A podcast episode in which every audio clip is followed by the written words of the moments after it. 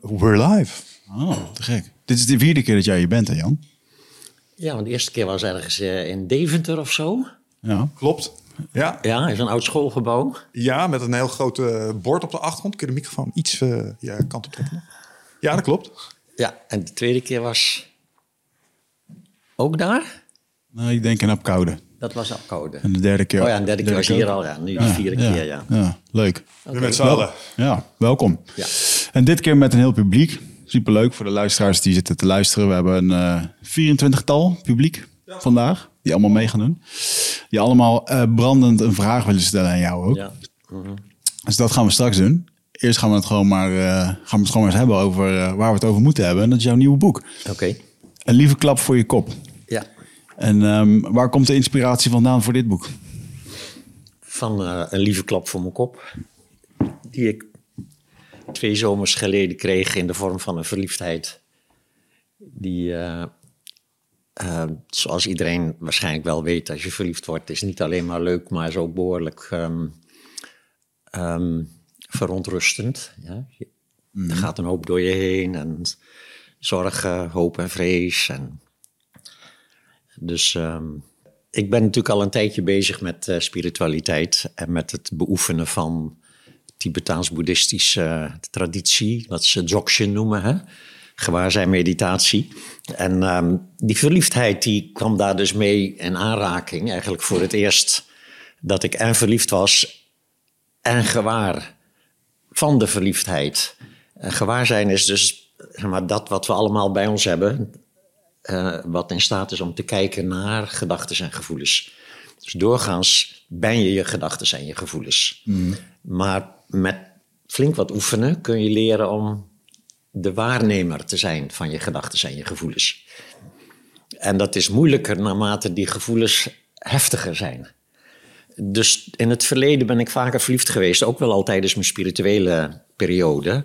Maar dan waren die gevoelens toch zo heftig dat ik me volledig liet meenemen in de verliefdheid. Dus dan ben je als het ware volledig geïdentificeerd met het verliefde ego. Maar dit was de eerste keer dat, ik, dat er een deel van mij als het ware bleef waarnemen. Terwijl het ego uiteraard gewoon verliefd werd en alles meemaakte wat je met verliefdheid meemaakt. De euforische momenten, de onzekerheid, de angst om iemand te verliezen, dat soort dingen. Ging allemaal gewoon door. En er was iets wat daar de hele tijd naar bleef kijken met een soort van vriendelijkheid. En grappig is dat die, die liefdesgevoelens, die aanvankelijk dus eerst worden getriggerd door de, de partner, de persoon die ik ook van jou terugzegt, die blijkt dan dezelfde liefde te zijn waarmee je kunt kijken naar je ego. Dus doorgaans, als mensen verliefd worden en ze hebben weinig of geen spirituele ervaring, dan zullen ze die heerlijke en ook die onzekere gevoelens, zullen ze allemaal projecteren op die persoon. Die is dan fantastisch en mooi en lief. En die wil je dan niet kwijt, die wil je vasthouden. Ja? Maar in, in werkelijkheid is die persoon niet degene die jou die liefde schenkt. De persoon is degene die jouw ego als het ware helpt ontspannen. Waardoor je, wat je ervaart eigenlijk, je inherente staat van liefde is. Dat wat ze in boeddhisme de Boeddha-natuur noemen... en wat ze in Advaita de non-duale essentie of het zelf noemen... dat is in feite wat we werkelijk zijn. Liefde is wat we werkelijk zijn. Liefde en helderheid zou je het kunnen noemen. Helderheid is bewustzijn van alle verschijnselen. Liefde is dat ze er allemaal mogen zijn. Dat er geen onderscheid gemaakt wordt, dat er een soort onvoorwaardelijke acceptatie is van alle verschijnselen. En ehm, dus dit is, eh, dit is eigenlijk wat er altijd gebeurt als mensen verliefd zijn. Dan maken ze eigenlijk contact met hun inherente staat van liefde. Maar je, de meeste mensen kunnen dat alleen maar als er iemand buiten jou aan de juiste voorwaarden voldoet. Ja, iemand die past bij jouw ego en die ervoor zorgt dat jouw ego, zeg maar, dat hele blije, ontspannen reactie heeft van ik heb het eindelijk bereikt. Nu heb ik de jackpot op het gebied van liefde en erkenning. En dan zal het ego zich even ontspannen. En als het ego zich ontspant, dan ervaar je die inherente staat van helderheid en liefde. Maar nogmaals, de meeste mensen herkennen die ontspanning niet, denken het is die ander die mij dit geeft. En meteen daarna heb je dus weer een nieuwe verkramping, namelijk het niet willen kwijtraken van die ander. Dus je zou kunnen zeggen, het hele ego is in feite een soort verkramping die in de eerste fase verkrampt hoopt op die ontmoeting met die ene die er altijd voor je is en altijd van je gaat houden en je nooit de steek gaat laten. Dat is een soort vernauwing, een soort geestvernauwing. Dan uh, komt er een moment in je leven dat je zo iemand tegenkomt. Werkelijk iemand tegenkomt die werkelijk de meest fantastische persoon is die bestaat. En die ook nog jou de meest fantastische persoon vindt. En het ego ontspant zich even. Even is het, het is bereikt. Mm. Dat, en als het bereikt is, dan ontspant het ego zich. Ervaart dan liefde, helderheid, vaak ook heel bruisend soort creativiteit en, en flow en dat soort dingen. Komt allemaal uit jezelf in feite. Maar de meeste mensen herkennen dat niet. En meteen in diezelfde periode ontstaat dus een nieuwe verkramping, namelijk deze wil ik niet kwijt. Deze moet voor altijd bij me blijven. En dan zie je dus dat vaak de beginperiode van een nieuwe verliefdheidsrelatie, die is nog bruisend, euforisch, maar ook met een hoop onzekerheid, een hoop verlatingsangsten. En het ego zal dan zeggen: Oh, maar ik ben wel heel bang om die persoon kwijt te raken. We gaan allerlei dingen regelen. Met elkaar afspraken maken over nooit in de steek laten. Voor eeuwig en altijd samen blijven. Opnieuw is er een soort verkramping. Het ego verkrampt weer naar een soort nieuwe agenda. En de agenda is nou niet, ik moet die ene vinden die er altijd voor me is. Nee, want die heb je al gevonden. Nu is de agenda, ik mag deze nooit kwijtraken. Hmm. En opnieuw is er verkramping, opnieuw. En dan heb je al die mechanismen in het ego die doorgaans heel onbewust aan het werk zijn. Daar heb ik die eerdere boek al over geschreven. Hè? Verslaafd door liefde, bevrijd door liefde. Hoe het ego dan onmiddellijk zich weer verstrengelt met het ego van zeg maar, de andere, andere partij. En, en die korte momenten waarin je zeg maar, die echte euforische inherente staat van liefde hebt ervaren, die verdwijnt dan weer achter een heel stelsel van um, afspraken en regels ook waar je je dan in een relatie aan moet houden om te voorkomen dat de ander je misschien weer gaat verlaten. Nu, in mijn geval dus, de afgelopen twee zomers geleden, toen ik dat weer eens meemaakte, die verliefdheid. En ook wel het geluk had dat dat was op een vrouw die ook dezelfde spirituele overtuigingen had en ook van meet af aan zei, zullen we nou eens gewoon niet in die valkuil vallen van we moeten dit vasthouden, we moeten dit redden voor altijd of dat soort dingen, maar gewoon kijken. Ja, kijken, waarnemen. Hmm. Waarnemen wat er gebeurt. Dus die openheid die ontstond door die verliefdheid, die werd niet meteen weer om zeep geholpen door al die afspraken die je normaal dan maakt om iemand niet kwijt te raken. Dus we lieten elkaar volledig vrij, zonder enige vorm van, zeg maar, relatiedenken. En zo is dat, zeg maar, is dat boek ontstaan, want daardoor bleef die verliefdheid die bleef stromen, maar niet alleen de kant op van mij naar haar, maar ook de kant op van mij naar binnen, naar die inherente staat van liefde. Dus, dus toen dacht ik, oh, maar dan is verliefdheid niet alleen maar een enorme afleiding van je spirituele beoefening, wat het voor de meeste mensen is. Als je al met spiritualiteit bezig bent, dan is verliefdheid meestal de reden waarom je er eventjes totaal niet meer aan denkt. Mhm. En even helemaal verdwijnt in samsara, hè, in het denken. Maar het kan ook een enorme hulp zijn, een enorme ondersteuning in je beoefening. Uh, je hebt dus in feite nog wel iemand buiten jou die als het ware jou, jouw liefde aanzet. Ja? Maar zodra die aanstaat en je hebt voldoende helderheid al ontwikkeld in je beoefening, dan kun je op dat moment kun je als het ware in plaats van alleen maar je focus op die ander, kun je ook die focus omkeren naar waar komt dit gevoel vandaan? Waar komt deze helderheid, deze creativiteit, deze flow, deze onvoorwaardelijke liefde, waar komt dat eigenlijk vandaan? Mhm. En dan kan je dus de andere kant op kijken en dan ontdek je dus die inherente staat van liefde. Ja. En merkte je toen je verliefd werd en jullie hadden de afspraak gemaakt van we gaan hier verder geen uh, kaders in maken, mhm. merkte je dat je toen ehm, dat het ego je toch probeerde terug te trekken uh, in het maken van kaders ja, ja, of afspraken? Ja, ja, tuurlijk. Ja, ja. Hey eindbazenluisteraar, dankjewel dat je zit te luisteren naar deze podcast. Ik onderbreek hem eventjes voor een hele belangrijke boodschap. Of misschien liever gezegd een uitnodiging. Want op 24, 25 en 26 mei dan is er weer een nieuwe editie van Ride of Passage. Dat is mijn retreat voor persoonlijke ontwikkeling. En speciaal voor de mensen die op zoek zijn naar, ja, naar, helderheid. Of dat ze lastig bij hun gevoel kunnen komen. Dat ze moeilijke beslissingen moeten maken. En dat ze zo ontzettend in hun hoofd zitten. Ja, dat ze er eigenlijk gewoon niet meer goed uitkomen. Of dat ze misschien al heel lang in een, ja, een soort van oud gevoel zitten. Dat ze dat gevoel willen transformeren. Of misschien wil je gewoon een oud stuk achter je laten. Ergens een punt achter zetten. En ja, zoek je misschien heling op iets wat, wat je te lang hebt weggeduwd of, of hebt vermeden. En daarvoor wil ik je uitnodigen op 24, 25 en 26 mei om in een retreat mee te doen waar de inhoud van het programma geheim is. Waar de belofte is dat het oncomfortabel wordt. Want jij begrijpt als geen ander dat als je die volgende stap wilt maken, ja, dan zul je uit de comfortzone moeten komen. En ik garandeer je, laat mij dat proces begeleiden met jou voor drie dagen. En je leven zal daarna nooit meer hetzelfde zijn. Gemiddeld beoordelen de deelnemers het met een 9,2. En daar ben ik ontzettend trots op. Er is ook een money back guarantee. Heb je de drie dagen vol, volbracht en vind je het niks, krijg je gewoon je geld terug. Dus het enige risico wat er is, is dat je gelukkiger kan worden. Ik zie je Bride of Passage. Ga naar wichertmeerman.nl en klik op Retreat. Dat is, uh, dat is duidelijk. Het ego is gewoon bang. Hmm. Ego is een bang kind. Gaat dit trouwens goed met de microfoon of niet? Of ja, mag dat iets dichterbij? Ja, ja ik beweeg uh, uh, nogal. Dus, voor, de, voor de luisteraars moet het in de microfoon. Ja. maar wat kan je eens een voorbeeld noemen? Waarbij dat. Ook gewoon de gebruikelijke dingen van. Dus bijvoorbeeld, je hebt elkaar ontmoet, prachtige euforische ontmoeting. Dan ga je weer elke, terug naar je eigen leven.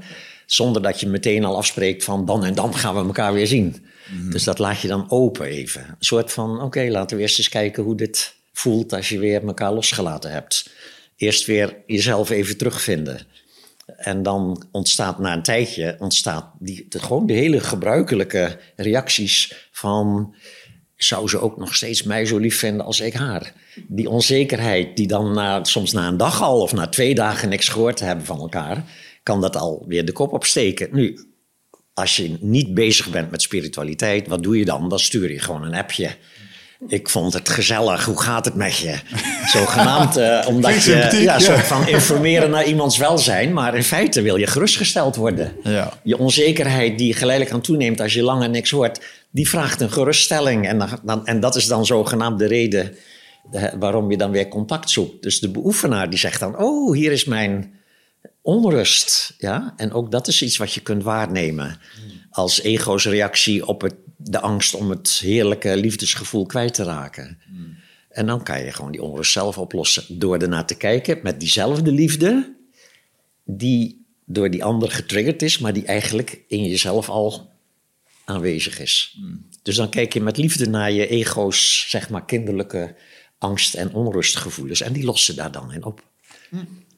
Allereerst, eh, wat ik erover wil zeggen is dat ik het fantastisch vind om je te zien praten over eh, deze episode in leven, want je glundert er helemaal bij. Dus ik hoop dat ik op 70-jarige leeftijd ook nog zo tot over mijn oren verliefd kan worden. Dus dat is echt heel mooi om te zien. Het wordt steeds makkelijker. Hij heeft nog niet verteld hoe het twee jaar later is. Hè? Nou, ik krijg het gevoel dat het nog steeds... Ja, eh, we kunnen denk ik geen... Nee, het is, al, het is al uit. Het is, het is ook al uit. Ja, ja, ja. ja, ja, Helaas, nou ja. ja, Dat staat ook, glundert er nog steeds bij. Ja, nee. Het wordt ergens ook beschreven. Dat het uh, op een bepaald moment uh, was het op een of andere manier was het op. Ja. Hmm. En als je dan um, als beoefenaar kijkt naar de onderdelen daarin. Hè? Ik snap je verhaal met betrekking tot. Maar ik vond het ook mooi wat je zei. Eerst vernauwen vanuit het willen. Dan heb je het. Dan is het even helemaal zen. En, en dan ineens... En dat vind ik altijd het moeilijkste stukje. Het niet willen verankeren, beveiligen en uh, heel stevig in je hand vasthouden. Dan lopen de zandkorrels natuurlijk tussen je vingers -hmm. door. Maar mijn ego is heel goed in allerlei trucjes uithalen naar mij toe.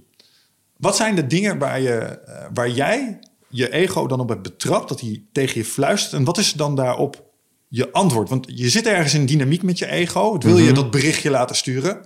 Je ziet het. Maar nou, nou vindt er een soort gesprek plaats tussen mij en dat ding dat het wil. En, en ik moet in mijn hoofd dan altijd een soort van ja, op, op ratio winnen. Van nee, gaat het niet doen, want zo, zo. En dan dan heb ik hem weer even koest. En dan komt hij even later met Ja. iets anders wel. Ehm, Ja, hoe moet- ziet dat er bij jou uit en eh, ja, wat doe jij Ja, daartegen? Ik denk dat, eh, dat, het, dat het de reden waarom je dan. De, de, zeg maar de, op het denkniveau is het een kwestie van dat je ziet: oké, hier is mijn onrust. En mijn neiging om haar te gebruiken om mijn onrust weer toe te dekken. Maar wetende, ja, als je daaraan begint, dan is dat één keer, dat is één keer een shot heroïne, kan nog een avondje leuk uit zijn en verder geen probleem. Maar als je dat meerdere keren gaat doen, dan is al heel snel is dat een patroon dat je de ander gaat gebruiken om je eigen onrust toe te dekken. Dat is ook wat doorgaans gebeurt in relaties. In het begin heb, heb je nog liefdesgevoelens, maar geleidelijk aan verandert dat in veiligheidsgevoelens. Je gaat je veilig voelen bij de ander. En dat komt dan weer omdat je de ander hebt gebruikt, en dat is dus wederzijds, hebt gebruikt om, die, om ego's, zeg maar, verlatingsangst toegedekt te houden. Dus dat is wat de beoefenaar herkent dan. Oh, daar heb je mijn verlatingsangst. Oh, daar is mijn neiging om de ander even in te schakelen voor een dosisje geruststelling. En dat dan herkennen en niet doen. Ja, en wat- En, en natuurlijk, en dan niet doen zou een soort strijd kunnen worden tegen die neiging. Maar dat is weer een heel verhaal waar ik natuurlijk ook al heel veel over geschreven heb. Dat is als je ook, dat gebeurt ook in verslavingen, dat mensen verslaafd zijn en dat ze tegelijkertijd zichzelf enorm afwijzen over die verlangens naar het roken of het zuipen of het snuiven of wat dan ook. Ja. En dan hou je het probleem juist in stand. Dus het is niet alleen herkennen, oh, dit is mijn ego wat hier een soort verslavingsroute in wil gaan, laat ik dat niet doen. Maar vervolgens moet je naar die neiging ook nog kijken met die liefdevolle vriendelijkheid, die juist ook getriggerd is in die verliefdheidsrelatie. Dus dan kijk je en zeg je, wat schattig. Oh, kijk eens, kleine Jan is bezig met ja, geruststelling te zoeken. En als je daar naar kunt kijken met die lichtheid, met die humor. En zeker als dat in het begin is van een nieuw contact, dan is het ook nog niet allemaal zo heel erg dramatisch. Ik bedoel, als mensen hier na tien jaar ego-verstrengeling en dan beginnen met spirituele ontwikkeling, dan zijn de moeilijkheden natuurlijk honderd keer zo groot. Want dan ben je al zo verschrikkelijk gewend aan die wederzijdse geruststelling. Dat er ontzettend veel angsten naar boven komen als je dat eenmaal weer gaat opengooien. Maar in het begin, als je hier wat ervaring al mee hebt. Ik heb al best wel een hoop relaties gehad. En ook pijnlijke beëindigingen van relaties en zo. Dus dan heb je het op een gegeven moment wel door. Hoe het, hoe, hoe het ego, als je je ego helemaal zijn gang laat gaan. Hoe het ego die dingen aanpakt. En dat weet je dan. Dat is een recept voor herhaling van dezelfde ellende. Maar dan is de, de valkuil is dan dat je vervolgens die neiging van het ego gaat veroordelen. Dat is een recept voor ellende. Stom, mag niet. Daar zit hem de, zeg maar, de dubbele bodemvalkuil in. Van heb je wel al door dat het ego jou in de problemen gaat brengen als je doet wat het ego verlangt. Maar die neiging om dan vervolgens te zeggen dat mag niet, dat is stom, dat is slap, dat is slecht. Ook die moet je loslaten, want het is niet stom of slap of slecht. Het werkt alleen niet. En dan kan je er met, naar die neiging van het ego, kan je met een soort vertedering kijken. Zoals je naar kleine kinderen kijkt die net een ijsje op hebben en alweer beginnen te zeuren om nog een ijsje. Ja. Daar kan je boos op worden, maar dan gaan ze alleen harder zeuren. Je kan ook zeggen, oh lieverd, heb je zin in nog een ijsje? Dat snap ik. Ze zijn hartstikke lekker, je krijgt er alleen geen. ja, maar dan heb je het kind niet afgewezen. Ja. Ja, dat is hoe je echt met je ego om kunt gaan. Op een liefdevolle, zorgvuldige manier. Je zei daar straks iets waar ik nu even aan moet denken. En ik weet niet of het met elkaar te maken heeft. Maar je zei, ehm, nu op 70-jarige le- le- leeftijd is het voor mij zelfs makkelijker om verliefd te worden. Ja, maar ik denk, dat, ik weet dat? niet of dat met de leeftijd te maken heeft of met de beoefening. Ja, nou, misschien naarmate de tijd Ja. verstrijkt word je beter in sommige dingen. Ja. Maar waarom is het makkelijker geworden om verliefd te worden? Misschien omdat je, omdat je makkelijker, hoe meer je in contact bent met je eigen inherente staat van liefde, hoe makkelijker die ook getriggerd wordt door een leuk gezicht, een mooi figuur, een stralende ogen, een lieve glimlach. Kan al voldoende zijn. Natuurlijk moet er daarna wel nog een soort vervolg op komen. Ik, kan, ik, kan, handig, eh, ja. ik zie natuurlijk ontzettend veel leuke vrouwen in mijn cursussen en zo. En daar kan ik gewoon meteen een soort van wow gevoel bij hebben. Alleen ja, daar doe je dan niks mee, want ze zitten in je cursus. dus dan is het vaak na een dag alweer voorbij ook. Omdat was je ons er ook wel eens opgevallen dat er bovengemiddeld veel vrouwen op jouw trainingen aanwezig zijn. eh. Ja, altijd meer vrouwen dan mannen. Ja. Maar dat heeft niet alleen te maken met, eh, met mijn charme. Ik denk meer nog met het feit dat spiritualiteit gewoon voor vrouwen wat dichterbij ligt dan voor mannen op het moment. En dat heeft weer alles te maken met dat spiritualiteit eigenlijk een manier is om op een andere manier met emoties om te gaan. En vrouwen überhaupt wat dichter bij hun emoties staan dan mannen. Gemiddeld genomen dan. Hè? Sure. Ja. dus ik denk dat dat de reden is. Dat, dat er meer, gemiddeld meer vrouwen bezig zijn met deze dingen als mannen. Ja. En in die relatie, hè, als je dan ehm, ehm, je jezelf betrapt op dit soort dingen, maar je kan je natuurlijk ook je partner erop betrappen. En ik praat even uit eigen ervaring, want ik soms dan voel ik niet echt connectie met mijn partner. En dan denk ik, nou, dan ga ik wel even een knuffel halen. En dan geef ik er een knuffel en dan zeg ik wel eens van, heb je, heb je geen zin in of zo, weet je wel? Want ze zegt, nee, je komt gewoon, je komt gewoon wat halen. En dat voelt dan heel confronterend. Ja. Ja. eigenlijk zocht ik gewoon even toedekking. Of, Ja, eh, precies, Het, het zit nog wel goed. Ja, dus wat goed dat je een eerlijke partner hebt. Ja, maar wel vervelend dan. Want juist in de momenten waar ik me eenzaam voel, wil ik dan schijnbaar ga ik een knuffel halen omdat ik die toedekking wil. ja. En dan word ik eigenlijk ook nog een soort van, kan, zo voelt het dan wel eens, word ik een beetje nog afgewezen ook voor hoe ik me dan voel. Je zou de volgende keer eens proberen om eerst gewoon te zeggen: mag ik even met je delen hoe ik me voel? En dan te vertellen dat je je eenzaam voelt. In plaats van meteen haar in te schakelen om het toe te dekken. Dat doen mannen toch niet? dat zou dus beter werken, Ah, denk nou, ik. Ja, ik dat probeer snap dat wel, maar Dat is wel, al. Maar, dat is wel, het is wel echt wel lastig. Zeker in de momenten waar je, eh, waar je echt eventjes die pijn voelt, ehm, dan gaat dat bewustzijn, dat, dat wordt gewoon onderbedolven eigenlijk. ja. ja.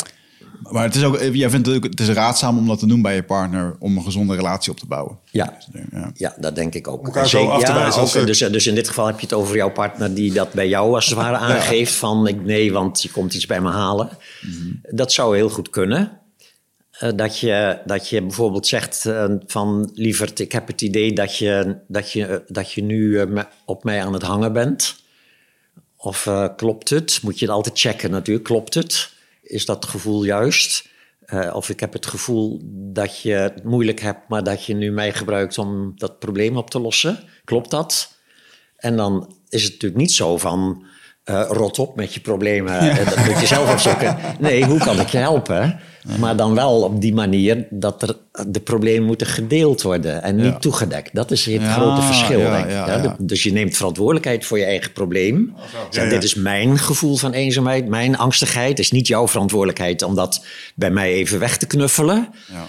Maar we hebben een spirituele liefdesrelatie, dus we delen onze gevoelens met elkaar.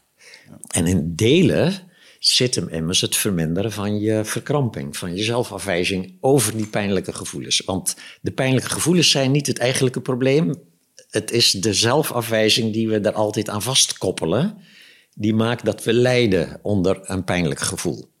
Dus een gevoel van eenzaamheid verandert in eenzaam zijn door het niet te willen voelen. En door er een oordeel aan vast te knopen, knopen over jezelf. Dat is eigenlijk het identificatie is. Dus, dus een gevoel van eenzaamheid is op zichzelf eigenlijk helemaal niet erg. Alleen niemand kent dat gevoel als puur gevoel. Want wat doe je als je het gevoel eenzaamheid hebt en je hebt dus geen ervaring met deze spirituele beoefening? Dan heb je een gevoel van eenzaamheid en dan onmiddellijk koppel je daaraan vast. Ik ben niet om van te houden, het lukt me niet om leuke relaties aan te gaan. Iedereen heeft het leuk behalve ik, ik ben een mislukking. Dat hoef je, en soms niet eens expliciet, maar dat zit er dus echt in. En hoe kan ik zo snel mogelijk van dit klote gevoel af?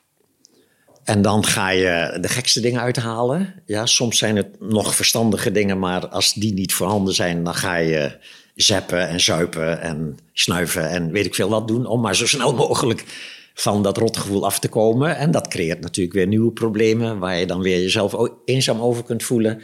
Terwijl als je in staat zou zijn, en dat is dus wel iets waar je voor moet oefenen, maar als je in staat zou zijn om dat eenzame gevoel te herkennen.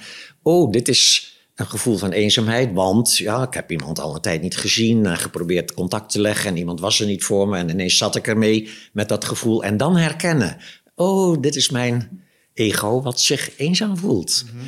Is oké, lieverd, dat mag. Ja. Dat mag je voelen. Het is maar een gevoel. Ja, gevoelens komen en gaan.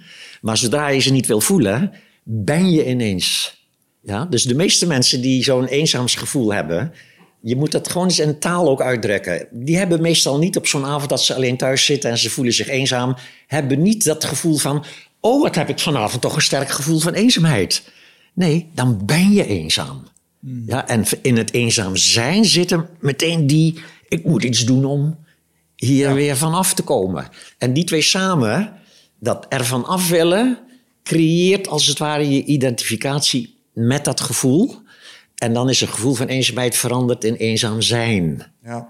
Andersom, als je eenzaam bent en het lukt je om te beseffen: oh, ik ben eenzaam, dus ben ik me kennelijk aan het verzetten tegen iets wat toch al gebeurd is. En je kunt dat verzet herkennen en loslaten. En alsnog ontspannen, dan heb ik dus nu gewoon een eenzame avond. Is oké, het mag, Ja. geeft niks. En dat moet je een tijd lang hebben geoefend voordat dat ook echt werkt. Maar dan zal ineens de beknelling zal oplossen. En dan verandert eenzaamheid in een heel soort warm, fijn, beetje melancholisch gevoel. Zo'n lekker alleen gevoel. Een avond om Paul Simon te gaan luisteren. Ja, zoiets ja. Maar ik wil Ja. zeggen, dat is wel de belangrijkste takeaway... waar ik echt heel veel aan heb gehad sinds ons laatste gesprek. Omdat je toen hebt uitgelegd dat een belangrijk basisfundament van... eh, ik, ik spreek het altijd verkeerd uit. Dodgen? Dzogchen. Dzogchen. Ja. eh, is eh, het, niet alleen het onderkennen... maar ook het er niet, niet uit willen komen. Juist, ja, er niet vanaf willen. Ja, en, ja. en dat ben ik nu een paar keer gaan doen. En dat is een game changer. Want Ja. dat zit hem exact in wat je zojuist zelf zei. Ineens is er een soort van... Nee, ik ga nu niet allerlei dingetjes doen... of eh, maar mindgame toepassen of mediteren... omdat ik van de ellende af wil. De ellende is er gewoon. ja. En dat is En genoeg. dan- En, en dan, en verandert dan- er iets. Ja, hè, en dan verandert er iets, namelijk het, het lijden verandert. Ja. En, en, en het, het wordt sowieso ruimer. Van het mag er zijn. Je zou kunnen zeggen, wat is die beknelling eigenlijk? Ik bedoel, het woord lijden in Sanskriet is eigenlijk het woord geen ruimte. Ja, is beknelling. Ja? Dus wat is dat eigenlijk precies? Dat is de, de, zeg maar, wat we eigenlijk zijn, is ruim en liefdevol. Maar dat herkent zichzelf niet en denkt: Oh, ik ben eenzaam, ik moet iets doen, ik moet hier vanaf. Verkleint zich tot het gevoel wat hij niet wil voelen. Ja. En dan is dus je hele mind is, zeg maar, is eenzaam. Ja. Er zit alleen is- wel weer een valkuil aan vast. Namelijk als je dan je eens een keer rot voelt... en je denkt dat je deze beheerst. Of van, oh, nu ken ik hem. En dan, nou, oké, dan ga ik, maar, ga ik er niet Ja. eh, uit willen Ja. komen.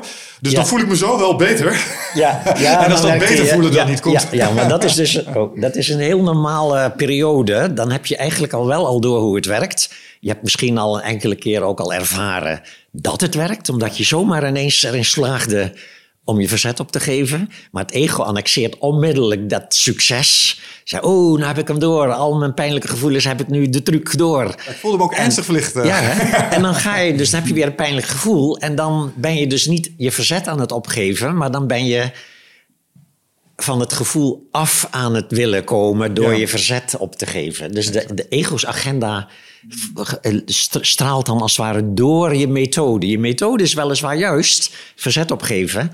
Maar het ego zit daarachter met een soort van... Haha, nu heb ik hem Ja, door. ja, ik ga ja. zo op deze manier van mijn shit afkomen. Ja, dat werkt dus ook is. echt niet. Het werkt dus alleen maar als... Ja, als je, als je echt gewoon je kan ophouden met je te bemoeien met hoe je je voelt. En, en hoe doe je dat? Hoe, hoe maak je een onderscheid tussen die twee momenten? Nou, zolang de beknelling niet weggaat, terwijl jij wel al, natuurlijk, wel al het besef hebt van oké, ik ben bekneld, ik heb een naar gevoel, ik, ik leid hieronder. Dat betekent dat ik in verzet ben. Ja. Dat is de constatering, die moet je eerst al zeg maar, helder hebben. Dan weet je, oké, wat moet je dus doen als beoefenaar? Je verzet opgeven. Dan heb je daar hulpmiddelen voor in Dzogchen. Er zijn een aantal techniekjes die je kunt gebruiken. Zoals bijvoorbeeld, geef niks mag best denken. Laat mij maar even. Ja, korte gedachtetjes die jou helpen uit het denken te stappen. En je als het ware te ontspannen in de shit. Dus eh, het ego wil van shit graag ontspanning maken. De beoefenaar weet, nee, ik moet me ontspannen in de shit. In de stress. Ja. Ontspannen in de stress. Maar een hele tijd, terwijl je dus alles goed doet, zit daar nog dat ego in een soort van, in een soort eh, bijrijderstoel de hele tijd te hopen dat je op deze manier van je shit afkomt. En dus moet je dit gewoon blijven oefenen. en dat, dus het oefenen is dus eigenlijk gewoon je verzet opgeven. En dan duurt het nog een jaar of twee misschien wel voordat het ook werkelijk verzet opgeven is. Eerst is het doen alsof je je verzet opgeeft. In de hoop. Ja, en dat werkt dan twee keer en daarna hebben ze het door. ja, en, daarna en dan, eh, ja, en dan heeft het ego door van, oh, deze truc werkt goed, die ga ik toepassen. En dan is dus de spirituele methode weer geannexeerd door het ego. En dan werkt die dus ook niet meer. Maar de beoefenaar kan daar weer naar kijken. En met een soort glimlach van, oh, ik heb hem, ik zie het, ik zie het. Ik ben, weer, ik ben hem weer aan het, als trucje aan het toepassen. En dan zeg je daar weer van, is oké, het mag, gaat vanzelf over. En het voelt een beetje als mijn maandag. Toen ik me niet goed voelde, toen ging ik een keer, dacht ik eerst, nou, koud douchen. Weet je wel, gezond eten doe ik dan ook. Ik ga niet ongezond eten. Dan ga ik een uur sporten. En toen zat ik in de auto en dacht ik, ja, ik heb nu eigenlijk alle boxjes aangevinkt. Maar ik voel me nog steeds rot. Ja, En dat is dan toch het, eh, ja. Ja, Het- en dan het- is het moment eigenlijk dat je zegt... oké, ik heb alles gedaan wat ik kon doen. Laat ik dan nu maar ophouden met er vanaf te willen. En een fles drank pakken. Ja. ja. Nee. Soms is het zo Maar ik herken wel het, eh, het, ervan, het ervan af willen. Ik zeg dat nog wel. Ik zeg, het thuis wel eens op. Ik wil zeg hardop gewoon. ja, ik wil er gewoon vanaf. Weet Ja. je wel. ja, nee, nee, dat is, al, dat is ook heel erg goed om dat te doen. Want als je gaat oordelen over het feit dat je van je lijden af wil... dan wil je dus ook van het oordelen af. En dan eh, ga je dus op metaniveau jezelf afwijzen. Dus dan ga je de zelfafwijzing afwijzen. Dan ga je in verzet tegen het verzet. Ja. Dat is wat zeg maar, intelligente mensen geneigd zijn te doen. Ze snappen de truc. Dan denken ze: oké, ik heb het toch moeilijk. Terwijl ik alles al goed doe. Kloten. Ja, wat stom dat het me niet lukt om. Ja. Of eh, de Boeddha heeft mij geleerd eh, dat het lijden mijn eigen verantwoordelijkheid is. En dat ik er zelf mee kan ophouden. Waarom lukt het dan verdomme niet? Trut. Ja, hou dan toch van jezelf. Ja, zoiets, ja. Ja. Dus dan ben je dus de zelfafwijzing aan het afwijzen, de veroordeling aan het veroordelen. En hier is dus eigenlijk het hele paradoxale, dat je dus ook dat weer herkent en zegt, oh nee, ik zie het al, geeft niks, wacht best. Laat maar even. Op elk niveau van waarnemen stap je uit het oordelen. Ja. En is dit dan hetzelfde? Want we noemen het nu in de, in de categorie van spiritualiteit, waar je dingen zelf herkennen. Maar in het wereldje van persoonlijk leiderschap ken ik ook heel veel mensen. Die gaan naar seminars, gaan naar workshops, die leren daar alles. Ze weten het allemaal, want ze hebben alle podcasts geluisterd, alle boeken gelezen. Maar ze kunnen of ze doen het niet. En daar worden ze dan boos om, dat het dan niet lukt. Valt het in dezelfde categorie? Of Nou- hebben we het dan toch meer over een mentaal spel? dat zeg maar, als je in de leiderschapstrainingen leert om jezelf te erkennen, dan is dat waarschijnlijk een tegengif, een toedekking van ego's neiging om zichzelf af te wijzen. En dat is ook het grote verschil tussen spiritualiteit en persoonlijkheidsontwikkeling. De persoonlijkheidsontwikkeling, waar overigens niks op tegen is, is een ego-ontwikkeling. Je leert het ego beter functioneren in de wereld. Dus het ego heeft soms uit zijn jeugd eh, overlevingsstrategieën meegenomen, die in een volwassen leven heel contraproductief werken. Eh, ik had bijvoorbeeld vanuit mijn jeugd een nice guy patroon. Hè? Dus conflicten uit de weg gaan, altijd mensen pleasen, niet voor je mening uit durven komen, dat soort dingen. Dat werkt averechts. Dan blijf je je naar voelen. Dus op een bepaald moment ben ik in het trainingscircuit terechtgekomen, omdat ik een opleiding volgde voor trainer. En in die training werd ik gewoon afgemaakt door de trainer. Dat was ook een echt een ego-trainer. Ja, die zegt gewoon, jij fucking nice guy, dat moet klaar zijn. Anders kan je nooit deze opleiding afmaken. Je moet gewoon recht voor zijn raap mensen durven zeggen wat je van ze vindt. Ja, dat heet assertiviteit. Dat kan je leren. Dat is een onderdeel van persoonlijkheidsontwikkeling. Tegenwoordig heet het dan persoonlijk leiderschapsontwikkeling of wat dan ook. Ja, de namen veranderen, maar het werk is hetzelfde. Je werkt aan een beter functionerend ego. Ja. Een perfectionistisch ego moet leren om op tijd een klus los te laten. Ja, het, het- alle, een helperholic ego moet leren om nee te zeggen en grenzen aan te geven. Eh, dat zijn prachtige dingen ook, eh, persoonlijkheidsontwikkelingen. Eh, alleen heeft niks met spiritualiteit te maken. En dat wordt vaak heel erg met elkaar vermengd. Dus je ziet tegenwoordig heel veel workshops, trainingen aangeboden worden... die, ehm, eh, die eh, onder het mom van spirituele training... in feite een ego-training zijn. Het ego helpen beter te functioneren. Persoonlijk leiderschap, hoe in drie weken leren om een business op te zetten die succesvol is. eh, je mission statement ontdekken en in de wereld zetten. Ja, je purpose vinden in jezelf. Ja, je goed gaan voelen over jezelf. Het zijn allemaal ook dingen die allemaal in de toekomst gericht zijn. Wil jij, noem maar op, dit en dat bereiken, dat bereiken, dat bereiken. Wil jij daar vanaf, wil je daar vanaf, wil je daar vanaf? Kom bij mij. Ik leer het je in drie weken of in een jaar, whatever. Ja, en dat is gewoon, dat is hoe het ego werkt. Het ego heeft een probleem. Het ego wil er vanaf. Het ego heeft een toekomstbeeld hoe het zou moeten worden. Ja, en het gaat, krijgt middelen om daaraan te werken. Ja, en als, dat, als die middelen een beetje matchen met het doel, want je hebt ook nog wel cursussen en trainingen die middelen aanbieden die helemaal niks met het doel te maken hebben. Maar als het een beetje werkt, dan ben je goed bezig. Dan ben je aan bezig om je functioneren in de wereld te verbeteren. Het functioneren van je ego te verbeteren. Ja. Niks op tegen. Zelfs als je met spiritualiteit bezig bent, kan het heel nuttig zijn om ook op dat ego-vlak sommige dingen aan te pakken. Via therapie of training of workshops of wat dan ook. Als je merkt dat je een beetje aan het dweilen bent met de kraan open. Ja, je- bijvoorbeeld als jij heel erg je best aan het doen bent om niet te oordelen over jezelf. Maar je snuift elke dag een gram kook weg. Dat is dweilen met de kraan open. Want dan, verslaving is zelfafwijzing. Is, verslaving is zelfafwijzing. Ja? En, en de zelfafwijzing uit zich in zelfdestructie. Ja? Help me hier eens even mee. Want eh laten we bijvoorbeeld even mijn grote verslavingen pakken. Workaholic, ik Ja. echt heel graag. Hoe vertaalt dat zich naar zelfafwijzing? dat workaholic zou kunnen zijn dat je, dat je het moeilijk vindt om, om in je eentje niks te zitten doen. Want dan krijg je allerlei gevoelens van nutteloosheid. Wat doe ik eigenlijk in deze wereld? Oh, oh, redelijk Verveling. right on the money. Ja, ja, dat klopt wel, ja. Dat soort dingen. Hè? dus dan is die zelfafwijzing wil je niet voelen. Dan ga je keihard werken. Juist, juist. Ja, dit is dan overigens een van de min- minder schadelijke. Alleen op langere termijn kan je natuurlijk een burn-out krijgen. zeker. En dan ben je ook even goed de pineut. Ja? Mooi. Ehm, Jan, wat dit boekje, want sowieso, we hebben het over een heleboel eh, mooie dingen al gehad. eh, maar je boek ging over beduidend meer. En wat dit boek voor mij bijzonder maakte, en eh, ik weet niet of dat ook waar was voor je andere boeken, is dat dit onder andere een gedichtenbundel is.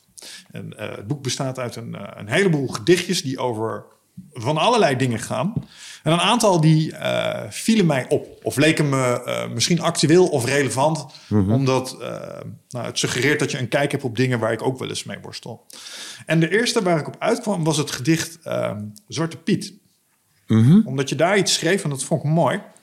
Ehm, samenlevingen zijn net als ego's. Ze hebben dezelfde averechtse reflex. Verharden waar zachtheid geluk zou brengen. Wegduwen waar toelaten het welzijn zou vergroten.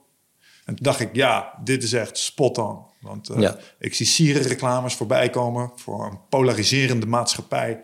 Eh, ik zie moeilijke thema's leiden tot eh, breuken in vriendenkringen en dat soort dingen. Toen dacht ik, ja, dit is echt spot on. Kun je daar eens iets meer over vertellen vanuit jouw kijk naar de wereld momenteel? Want je hebt dit gedicht vast niet zomaar geschreven. Nou, het, ik, ik, ik, ik, het is een soort, een soort projectie van wat je in een, in een individueel mensenleven ook ziet.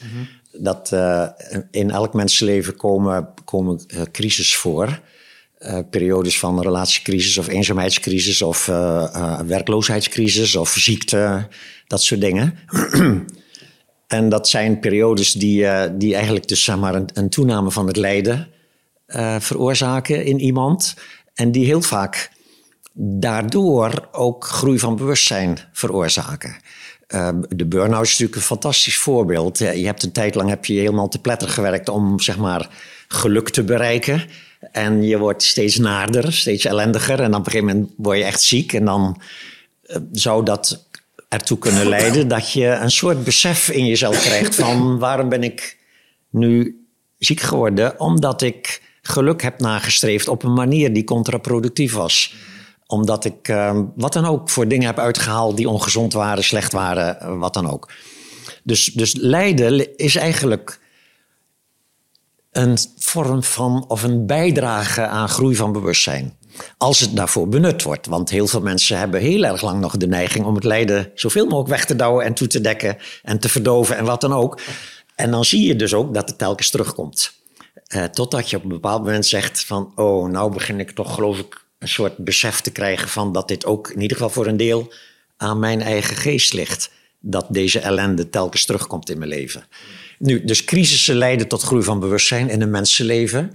Als je kijkt naar de geschiedenis van de, van de samenlevingen, dan zie je dat hetzelfde ook. De laatste echte grote crisis die wij in de wereld hebben gehad, was de Tweede Wereldoorlog. Daarna zag je een opleving van allerlei uh, zeg maar, bewustzijnsaspecten. Uh, de bekendste is dat toen de fundamentele rechten van de mens geformuleerd zijn.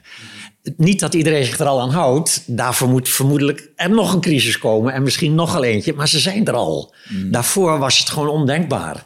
Daarvoor kon je oorlog krijgen met je buren, omdat die buren slecht waren en jij goed. En nu is er al een soort besef van nee, alle mensen zijn eigenlijk gelijk. Mm-hmm. Het zijn hooguit de systemen die hier zeg maar, met elkaar gaan botsen. Dus ellende levert groei van bewustzijn. Mm. Als het daarvoor benut wordt.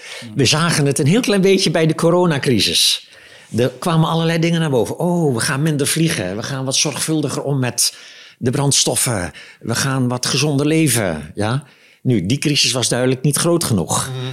Ja, want zodra de corona weg is... Twee jaar in de toekomst zijn we gewoon terug bij af. Ja. We zijn er helemaal weer terug bij waar we waren. En nu hebben we een andere crisis die ook weer groei van bewustzijn. Bijvoorbeeld nu is de crisis is dat de, de brandstof, de energie zo duur wordt... dat we moeten verdomme wel gaan opletten... of we niet wat zuiniger aan kunnen doen met die fossiele brandstoffen. En andere vorm van energie ontwikkelen. Ja, dus ook hier zie je dat crisis, crisis is aanleiding voor groei van bewustzijn.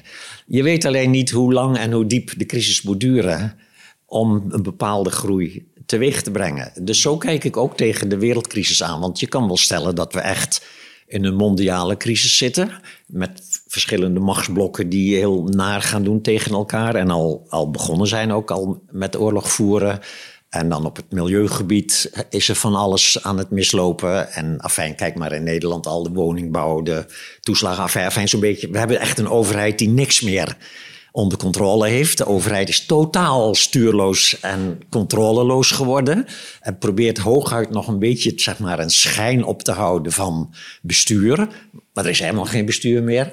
En dus prachtige dingen allemaal voor ja, als je gelooft in dat crisissen bijdragen aan groei van bewustzijn. Niet leuk, overigens, maar evengoed ook niet iets wat je, uh, waar je al te bang voor zou moeten zijn. Ja, want als individu dat zich probeert te handhaven in een uh, wereld vol crisissen. Ik bedoel, en ik, ik, denk wel eens over na. Ik weet niet hoe jij dat ervaart. Maar, um, en, en, jij hebt natuurlijk ook uh, de geschiedenis meegemaakt. Maar als je in de jaren tachtig uh, bent opgegroeid, dan uh, was het, het toekomstbeeld was altijd bijzonder positief. En dat zie ik naarmate ik ouder word, langzaam maar zeker veranderen in iets bijna dystopisch. Mm -hmm. jongens, let nou op, want uh, het overleven van uh, de bestaande ja. structuur is niet gegarandeerd. Ja. En ik merk heel erg dat mijn ego vindt dat echt uh, niet prettig. Mm -hmm. Sterker nog, de laatste tijd, en in de pandemie was dat zo, maar als ineens de voedselprijzen omhoog gaan nou ja, wij hebben het wel eens gekscherend over, maar dan gaan er bij mij gewoon prepperneigingen aan. Denk, het wordt tijd om uh, graan in te gaan slaan, volgens mij. Ik moet leren ja, hoe ik ja, zelf eten uit de grond kan trekken. En dat is mijn ego die denkt, ja, maar uh, dude, jij moet gewoon overleven als biologische entiteit. En dat kost mij geluksknikkers. Mm -hmm. Dus, da daardoor heb ik avonden gewoon achter mijn computer gezeten, dat ik, zit ik te doomscrollen. Zo noemen ze dat. Dan ben je gewoon aan het kijken naar alle ellende van de wereld. En zie je nou wel, we gaan er met z'n allen aan. Um, en dat zie ik dan en dan kan ik eruit ontsnappen. Ja. Maar het is niet altijd... Uh, eenvoudig. En nee. ik zou willen dat ik het perspectief altijd kon pakken dat jij neemt, dat van die silver lining. Um, maar wat zou een advies kunnen zijn voor uh, misschien andere luisteraars die net zoals ik daar mee worstelen? Want het is niet altijd makkelijk om, om te zeggen, nou, is mooi, weet je wel, hier gaan we als mensheid allemaal weer van vooruit. Als ik mezelf, ja, soms op, uh, kijk, als Nederland denk ja, als we met z'n allen iets minder verdienen of we hebben eens een keer een kleine inflatie, dat komt wel goed. Maar deze crisis waren zo groot dat ik niet 100% zeker wist of we het over vijf jaar met z'n allen als individu nog wel doen. Mm -hmm. Doemscenario zo. Ja. pas overdreven. Ja, Stel, dus je kwam daar ook mee. Uh... Hoe kijk jij daar tegenaan? Wat is je advies? Ja, nou kijk, je, je, kan, uh, je kan het van twee kanten bekijken. De ene is, onze gebruikelijke neiging is om die onprettige gevoelens die je hebt als je naar het journaal kijkt of de, de toestand in de wereld bekijkt, die onprettige gevoelens die dat oplevert, die, die, zeg maar, dan heeft het ego de neiging om daartegen in verzet te gaan, om dat niet te willen voelen. Uh, om zichzelf vervolgens ook nog af te wijzen over het feit dat het je niet lukt om daar geen last van te hebben. En dan ga je allerlei dingen proberen om, om van dat rotgevoel af te komen. En dat, dat kan alle kanten opschieten. Het kan zijn dat je al, al zeg maar, je reis aan het inslaan bent, al voor tien jaar. Uh, maar het kan ook zijn dat je zegt van fuck it all. En dat je zeg maar, zelf gewoon mee gaat doen met de destructie. Door gewoon maar te gaan zuipen en te gaan snuiven. En je nergens meer druk om te maken. Uh, en dat zijn dus allemaal manieren die, uh, die de ellende in feite vergroten. Dus je zou eerst al kunnen zeggen: oké, die gebruikelijke neiging om me te verzetten tegen deze nare gevoelens die ontstaan door zeg maar, te kijken naar de wereldcrisis, om die gevoelens nou eens gewoon toe te laten. En daarna te kijken en ze te herkennen als ego's neiging om te geloven in zijn eigen gedachten. Want het zijn verhalen uh, die, die je bedenkt. Ja, de, de ellende uh, is nog niet op dit moment werkelijk. Het is een verhaal. Het is een perspectief, een toekomstbeeld. Uh, en dan kun je herkennen, oké, dit, dit, dit speelt zich af in mijn eigen geest. Laat ik daar dan op een vriendelijkere manier naar kijken. Dus niet meer verzetten, niet meer veroordelen, herkennen. En dan, dat is de ene kant. En de andere kant is dus dat je ook een soort theoretisch een nieuw verhaal creëert niet het meer het ego-verhaal wat altijd zegt: zodra het naar voelt, is het kloten en moet je er vanaf. Maar het spirituele verhaal die zegt: alle narigheid heeft een functie. Mm Alle narigheid is in feite niet herkende liefde. Dat het lijden is niet herkende liefde. Ja, het lijden komt iedere keer weer terug totdat je doorhebt dat het zich in je eigen geest afspeelt en, wa en waar je het dan kunt veranderen in liefde. Dus, dus dan kun je zelfs ten aanzien van een wereldcrisis. Natuurlijk, het ego blijft ook bang. Het ego is bang om geen eten te hebben en geen huis meer en dat soort dingen. Dat verandert niet, maar je kunt wel zien dat jij je ego niet bent en dat die angst dus een gevoel is en niet een werkelijkheid. En dan kun je zelfs een zekere mildheid hebben over de meest nare uitkomsten, waarvan je sowieso ook al beseft dat het verhalen zijn. Maar stel dat er een crisis komt die de helft van de wereldbevolking uitdunt. Er zijn verhalen denkbaar waarvan je zegt, nou, geen slecht idee eigenlijk. We zitten, zijn al met zoveel. ja, misschien naar voor die helft die dan wat vroeger doodgaat dan verwacht. Mhm. Maar ook hier is doodgaan natuurlijk. Want nu praten we echt over het spirituele perspectief. Ook doodgaan is alleen maar dood van het lichaam, dood van het ego, maar niet dood van het bewustzijn. Dus dat is het, het bewustzijn is niet iets. Het bewustzijn is dat waarin alle verschijnselen ervaren worden, maar is zelf niet een verschijnsel. Dus dit is, maar dit is echt een spirituele theorie die als theorie jou niet zoveel gaat redden. Maar die, als je hem gaat onderzoeken en je herkent dat wat je werkelijk bent, is bewustzijn. En tegelijkertijd, bewustzijn is niet iets, kan dus nooit begonnen zijn en kan dus ook nooit ophouden. Dan ontstaat er wel een soort van Zwitserleven gevoel. Van, ja, kan er niks gebeuren. Ja? als de ego kan dood, het lichaam kan dood, de halve wereld kan dood. Ja, maar dat wat door mij, zeg maar, de wereld ervaart, dat blijft bestaan. Ja. En zal zich weer in nieuwe vormen manifesteren om weer nieuwe groei te bewerkstelligen. Want dat is het kenmerk van bewustzijn, is dat het wil groeien. Nou, daar raak je de kern. Want als er, uh, kijk, nu is de veronderstelling doodgaan niet goed, dus voorkomen. Ja. En als de stelling zou zijn, ah, doodgaan niet erg, want volgende rondje, ja. dan, dan verandert er al iets. Dan verandert dan er al iets. er helemaal vanaf. Ja, Dus. Maar nogmaals, als verhaal is dat niet opgewassen tegen ego's doodsangst. Nee. Dus je zal ook moeten beoefenen en werkelijk in jezelf live ervaren dat bewustzijn, dat wat je werkelijk bent, ja. niet iets is. Mm. Ja, open, ruim, ja, shunyata in het Sanskriet. Kun je daar nog iets meer over vertellen? Over dat behoud van bewustzijn? Want daar heb je de laatste keer dat we elkaar spraken, heb je daar ook over gesproken. Ik heb daar veel over nagedacht. En we, we hebben het toen heel kort even over gehad. Maar eh, toen heb je omschreven hoe vanuit uh, het boeddhisme wordt gekeken naar het moment van sterven. En dat een beoefenaar op dat moment in staat is om, nou, ik denk dan de doodsangst een soort van te overwinnen. En, en bewust te blijven van het lichaam dat sterft en dan over te gaan. Ik heb daar heel veel over nagedacht. Ik vind het een heel mhm. mooi, uh, heel mooi gedachte. Alleen het lijkt me ook ja, daarvoor oefen je denk ik je hele leven. Nou ja, dat, is een soort van je ja. examen dan bijna, denk ik. Ja, ja dat, is, eh, dat is wat in Tibetaans boeddhisme ook eigenlijk eh, heel erg de nadruk heeft. Dat moment van sterven is als het ware het moment waarop je kunt zien of je voldoende beoefend hebt Ja. tijdens je leven. Maar tegelijkertijd geen nood. Als je niet voldoende beoefend hebt, dan ga je dus dood zoals je s'nachts in slaap valt, onbewust. En evengoed gaat dat bewustzijn door in een volgende ronde, in een volgende vorm. Wat het dan ook is. Alleen heb je dan niet dat moment van sterven benut voor je laatste, zeg maar, je laatste moment van realisatie. Eh, en, en, en waarom is dat moment van sterven zo behulpzaam als je een bepaald niveau van realisatie al bereikt hebt, maar tijdens je leven nog wel altijd de wereld ziet vanuit dat lichaam. Ja? Je Ja. ziet vanuit je ogen, je hoort vanuit je oren. Dus ook al ben je hoog gerealiseerd als spiritueel beoefenaar, dan ben je toch nog altijd voor een deel dat lichaam. En het- je kijkt voor een deel ook naar de wereld via het denken.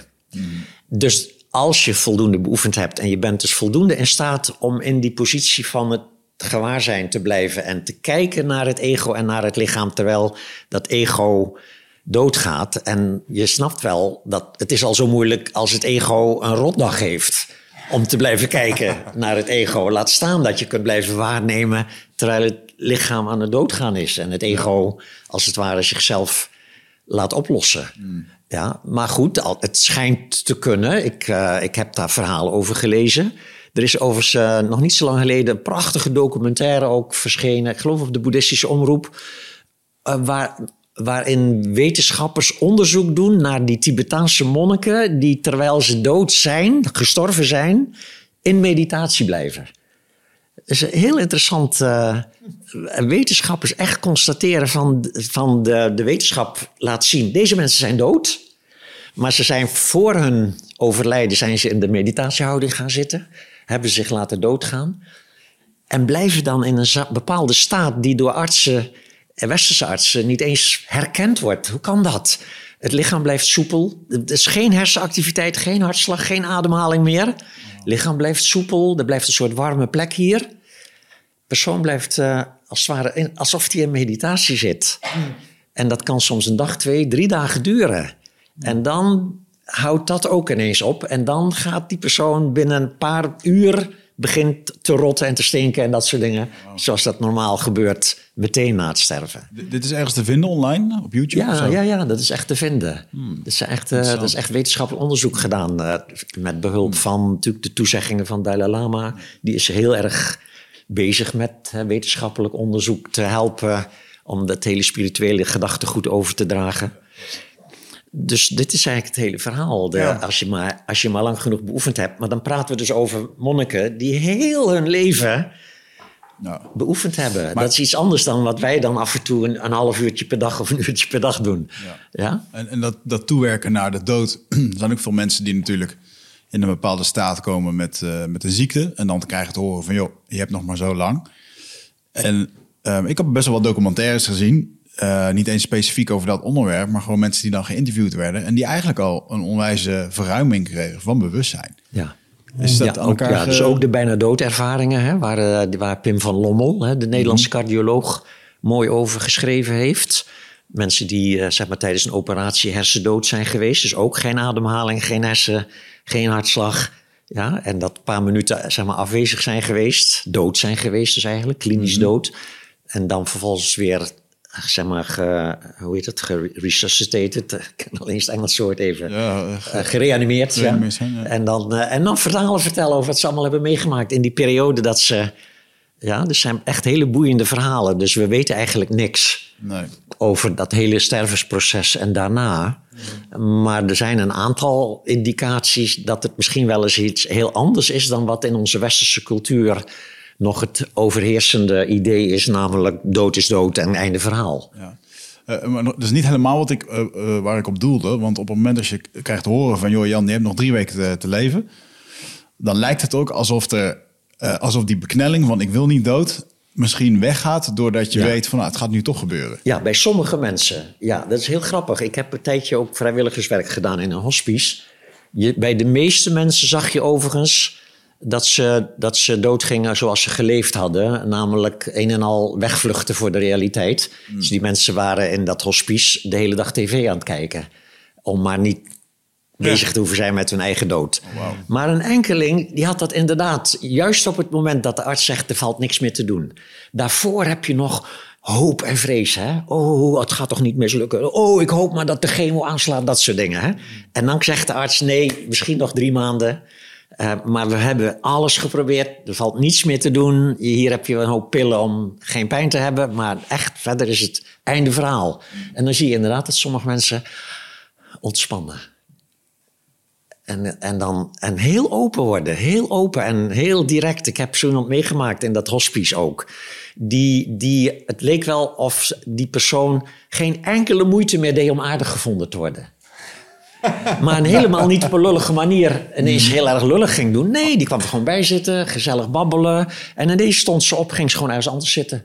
Dan wist je, oké, ze was klaar met praten kennelijk. Oh, geen filters Helemaal meer. geen excuses of ik moet even naar de wc of wat dan ook. Geen smoezen. Ah, ja. En heel direct, heel open, heel eerlijk, heel aanwezig. Ultiem bevrijd volgens mij. Ja, prachtig hè? Ja, Hoe dat eh, effect is. Maar dat is dus helaas niet bij iedereen het geval. Eigenlijk, weer, eigenlijk weer een beetje zoals de status zoals we zijn als we een kind zijn. Als je een kind krijgt. Ja, nou, als we een kind zijn. Ik bedoel, mijn Oh. dochter van vier, die staat ook gewoon Ja, op wanneer ze zin ja, heeft. alleen de kinderen hebben daar geen zelfbewustzijn van. Ja, ah, ja. Ja, bij kinderen is het een pre-ego-staat. Ja. ze moeten een ego nog ontwikkelen. En daardoor lijkt het soms of ze in zo'n natuurlijke, spontane eh één met alles staat zijn. Wat ze in zekere zin wel zijn. Maar ze hebben geen zelfgewaarzijn daarvan. En dus is die staat voor hun in zekere zin ook beangstigend. Ze zijn speelbal van hun eigen spontaniteit. Dus ze kunnen inderdaad, ene moment kunnen ze doodsbang zijn. En, en één minuut later zijn ze leuk aan het spelen en aan het lachen en hebben ze pret. Zo snel gaan ze mee met hun gevoelens. Maar evengoed kunnen ze ook s'avonds in bed bang zijn voor de niksheid. Ja, en, en soms, heel soms hebben kinderen ook al hele korte spirituele besefjes. Maar dat zijn dan, zou je kunnen zeggen, besefjes die nog een soort na-echo zijn uit een vorig leven. En dan, weet je wel, als dan eenmaal het ego zich ontwikkelt, hè, zo tussen het derde en, en het twaalfde levensjaar is het grootste deel van het ego ontwikkeld. En dan zijn ook al die, zeg maar, ook die spirituele dingen die kinderen soms hebben, die zijn allemaal weg. En soms als volwassenen herinneren mensen zich dat nog. Zeggen ze, oh, toen ik vijf jaar was, had ik die en die en die ervaring. Maar als herinnering kun je hem eens plaatsen. Dat was echt wel ontzettend spiritueel. Ik voelde me helemaal gelukkig en één met alles. Maar op het moment zelf was er geen enkel zelfgewaarzijn van die mooie staat. Omdat het een pre-ego-staat was. Je moet dus eerst een ego ontwikkelen. En dus eigenlijk vervreemd raken van jezelf. Ja? En dan kan je hem overstijgen. Dus ook hier weer een reden om niet het ego de schuld te geven van al het lijden. Nee, de ego is een vooruitgang ten opzichte van geen ego. Ja. alle levende wezens die geen ego hebben, dat noemen we dieren.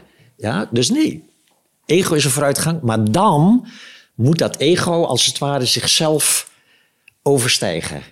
Dat is eh, het spirituele pad. Ja. En, en wat ik je zojuist eigenlijk wil zeggen, want dat was een perfect bruggetje voor een vraag die ik nog had. Kijk, jij hebt nu eh, een leven lang ben je bezig geweest met beoefening. Stel je nou toch eens voor, eh, straks tijdens het examen, nou, we zaten deze ronde nog net iets meer in het lichaam. Is het dan zo dat je in de volgende iteratie die kennis en die kunde die je hebt opgedaan, soort van behoudt? Want anders is het Anders is het is moeite. nou, ja. niet mogelijk, denk ik, om als het niet cumuleert. Ja. hoe kom ik dan uiteindelijk ooit voorbij mijn examen? Zit, ik dan aan te denken? Ja, daar zijn eh, verschillende opvattingen over. Dus ik praat nu niet uit eigen ervaring, maar, eh, zeg maar kennis, kennis over de theorieën die daarover leven. Over het algemeen wordt er aangenomen dat er wel, wel degelijk een accumulatie is van groei van bewustzijn. Tegelijkertijd is er een valkuil, want het ego denkt ook graag in termen van reïncarnatie. Want dat is voor het ego een soort doekje voor het bloeden. Een soort Exact. van ik ben doodsbang om er niet meer te zijn. En dan is er ineens zo'n prachtig verhaal van nee, nee, je gaat weliswaar dood, maar daarna kom je weer terug in, in een Je ander je lichaam. kennis ook nog eens. Dus, ja, eh, hè? ja. dus dan heb je de soort van, kun je jezelf eh, soort van een beetje geruststellen met een verhaal. En er is natuurlijk ni- niks op tegen, maar het is een onjuist verhaal. Want er, er is niet iets van dit ego wat doorgaat in een volgend ego. Er zijn verschillende manieren om dat duidelijk te maken. Eén manier die ik gebruik is als je biljart en je schiet een bal met een bepaald effect recht op een andere bal. Dan zal de bal die jij wegschiet, die zal stoppen tegen die andere bal en die andere bal rolt door. Dus het is van bang. Ja? Die bal die doorrolt, heeft het effect overgenomen van de bal waarmee je tegen die tweede bal hebt aangeschoten. Kun je nou zeggen dat er iets van die ene bal is overgegaan naar die andere bal? Nee, het is niet een stukje bal van de ene door in de ander. Het zijn totaal verschillende ballen. Maar, geeft maar er is toch een soort over. van momentum is doorgegeven. Nu, wat, wat wordt dan in het boeddhisme beschouwd onder momentum? Het totale, het totale zeg maar, effect van je positieve en negatieve handelingen. Dus de mate van lijden die je hebt veroorzaakt voor jezelf en anderen... en de mate van geluk die je hebt veroorzaakt voor jezelf en anderen. Dat is één verhaal. Een ander verhaal is eigenlijk alleen maar de mate van... waarin het gewaarzijn zichzelf herkend heeft tijdens het leven, wat doorgaat. En dan nog is het, als, uh, als je bijvoorbeeld uh, verhalen van Byron Katie kent, die, uh, die midden in haar leven in de diepste ellende ineens een soort verlichting bereikte. Eckhart Tolle, zelfde verhaal, hè? Was Byron Katie niet die mevrouw die onder de douche stond? Nee, die, nee, nee. Oh, dan verwar ik haar met iemand anders. Nee, nee. En Eckhart Tolle had toch ook een soort diepe depressie, waarin die ineens zeg maar, een soort van helderheid kreeg over mm. ik ben dat niet. En Baron Katie eigenlijk net zo'n verhaal. In het boeddhisme worden dit soort gevallen beschouwd, hè, spontaneous realizers, van de spontane realiseerders, die zijn gewoon in een vorig leven al bijna verlicht geworden, maar zijn natuurlijk nog wel bij hun overlijden zeg maar, in slaap gevallen, mm-hmm. zijn opnieuw geboren. Maar omdat je dus alles wat het ego heeft geleerd, dat raak je wel kwijt. Dus het ego, alle wijsheid die je, die je tijdens je leven hebt aangeleerd op grond van zeg maar, ervaringen in dat leven, dat raak je kwijt. Dus dat betekent dat je opnieuw geboren wordt um, met een soort blanco soort van lei. En het enige is dat dat wat zich opnieuw manifesteert in een nieuw lichaam, dat heeft een zekere mate van helderheid. Ja. Maar die moet toch ook weer die hele kindertijd doormaken en de eventuele nare dingen die daarin gebeuren. En opnieuw in aanraking komen met spiritualiteit eventueel en dat weer gaan studeren en beoefenen. En dan zou het op een gegeven moment kunnen gebeuren dat je ineens weer bent waar je gebleven was. Ja, nu je dat zo zeggen, denk ik, volgens mij is dat wat humor is. Dus sommige mensen ja? zijn inherent grappig of zijn, uh, hebben een humoristische inslag. Wat nou als humor je vermogen is om de grap van het leven gewoon ja. goed te kunnen. Sommige mensen zijn gewoon inherent grappig ja. omdat ze zien, oh, dit is ridicuul. Ja. Um, en misschien is dat wel hoe die ervaring zich uit. Ik denk wel, uh, ik, ik zou het liever omdraaien. Gewaarzijn is grappig. Gewaarzijn, als het zichzelf herkent in allerlei situaties, gaat meteen de humor inzien van die situaties. Ja. Dat is het leuke. De humor inzien betekent de lichtheid, de niet volledig serieus te nemenheid. Ja, dat vond ik, vond ik ook echt superleuk in je boek, want je hebt een, uh, een gedicht Kosmisch Gegrinnik. Ja. En, en, op een gegeven moment uh, heb je een. Uh, je hebt het ook over de goddelijke liefde en de verliefdheid en zo. En zit er een soort zelfdis in, waarbij je dat ook gewoon benoemt. Gebrabbel over goddelijke liefde. Ja. Zo van, ja, ik zie het mezelf doen. Eigenlijk best wel grappig, hè? Dat Mhm. ik dat doe. Dus, Ja. dus dat vermogen om dat te doen Ja. en daar dan de humor van inzien, Ja. is denk ik de uiting Ja, daarvan. dus, dat is, dus je kan niet het aan, aan de grappigheid ophangen. Je, zou, je moet het wel aan de helderheid ophangen. Maar die helderheid creëert grappigheid. Kunnen inzien waarom het Ja, grappig is. want is er zijn wel grappige is. mensen die helemaal niet vanuit Juist. helderheid grappig zijn. Nee, maar ja. omdat ze gewoon... Want dan is dat grappig zijn ook weer een toedekking, toch? Ja, dan is een soort Ja. dualistisch grappig zijn ook met een soort van... ik wil graag grappig gevonden worden en dus ben ik grappig. Ja, nee, het Zo, helderheid. Ik, snap wat je Ja. zegt. Ja, duidelijk. Mooi. Mooi. Zullen wij een paar eh, kijkersvragen gaan doen? Kijkersvragen. Kijkersvragen. Kijkers, luisteraars. vragen. Zijn er hebben- mensen aanwezig die misschien inmiddels een vraag zouden willen stellen? Mag je je hand even omhoog steken? Nu iedereen weet dat ze voor de camera moet zitten. Ja, ik heb Dat dus mag hier op niet. ja, klaar. Hallo. Hallo. Hallo. Ik ben Sascha. Dag Sascha. Ehm, ik vond je zo mooi vertellen over verliefdheid en daarna over de crisis in de maatschappij. En ik weet niet of je Matthijs Schouten kent, maar hij heeft het over we mogen allemaal weer verliefd worden op de aarde. En van daaruit hè, ontstaat er ruimte voor, voor nieuwe beweging. Nou kun je nou onze liefdesrelatie met de aarde vergelijken met de liefdesrelatie die je beschrijft met een ander mens. En hoe we kunnen houden van de aarde, maar ook weer ver kunnen verkrampen om de aarde en de natuur te verliezen. Ik ben benieuwd hoe je dat ziet. Hmm, Ik, eh, ik zou liever eh, jou daar wat over horen vertellen. Dat is een leuke vergelijking, vind ik. Ik heb daar nog niet zoveel over nagedacht. Maar eh, ik vind het een mooi idee. Ja, Eh, natuurlijk, we hebben een relatie met de natuur. En die is, eh, denk ik, heel veel vervreemd in onze westerse eh, samenleving. We hebben weinig contact nog eigenlijk met de natuur. Tegelijkertijd zie je ook hier, zoals bij heel veel mooie dingen, zie je ook weer valkuilen. Eh, want je kunt bijvoorbeeld op grond van het feit dat er zoveel narigheid is ontstaan in de wereld vanwege de vervreemding met de natuur, zou je heel erg kunnen gaan propageren dat we dus weer terug moeten naar eenheid met de natuur.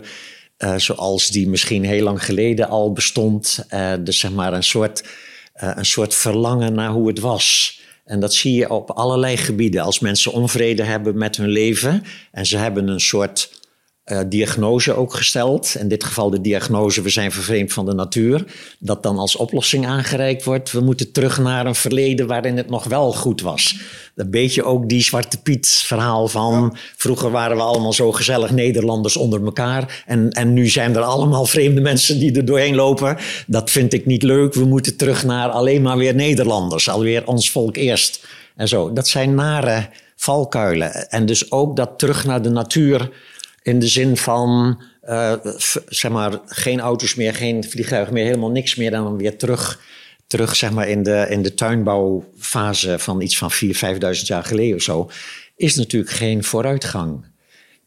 Dus, dat, dus je moet altijd kijken waarvan is jouw verlangen een pre-rationeel verlangen of wil je inderdaad verder groeien? En, dat, en dus op, je kunt op een bepaald niveau dus constateren dat we fout zitten. En er is een hoop fout tegenwoordig. En dan zie je allerlei reacties ontstaan die eigenlijk zeggen... dus moeten we terug naar waar we waren voordat we die fout hebben gemaakt. Maar dan gebruik je de fout niet als, groei, als middel om groei van bewustzijn. Dan wordt het een soort conservatisme, een soort van ehm, identiteitsdenken ook. Wat je ook tegenwoordig heel veel ziet. Ja, we moeten onze identiteit versterken. Ja, dat is nou net een recept voor meer ellende. Nee, je moet natuurlijk je identiteit moet je natuurlijk wel zeg maar mogen tonen. Ja, waar de identiteiten worden onderdrukt. Dat is natuurlijk ellende. Dus moet je identiteiten mogen tonen. Daarna moet je ze loslaten. En moet je naar een hogere soort van identiteit gaan. Hetzelfde met de natuur. We moeten weer in contact komen met de natuur, maar dan niet terug naar, maar voorbij zeg maar, deze vergissingen die we hebben gemaakt in dat zeg maar, ongebreidelde groei en, en dat vooral de laatste twintig jaar dat neoliberalisme van dat alles maar aan de marktwerking moet worden overgelaten, dat soort dingen. Nee, dat is nou duidelijk gebleken, dat is een recept voor ellende. Maar hoe kun je daar voorbij gaan? Ja. Hoe kun je dat weer beschouwen als een hulpmiddel voor meer wijsheid, meer groei? En dan komt er misschien wel een echte spirituele relatie met de natuur. En, Ja, niet, en niet een bezitsrelatie. Volgens mij ook de uitdaging, want als vanuit die aanwezigheid een enorme liefde voor alles ontstaat, waaronder de wereld en alles wat er is, ehm, ook die, die verkramping weer kan ontstaan, juist van, oh nee, maar ah, zo mooi. Ja. ja. Ja. Om die dan ook weer los te laten of te, Ja. te ontspannen. ja.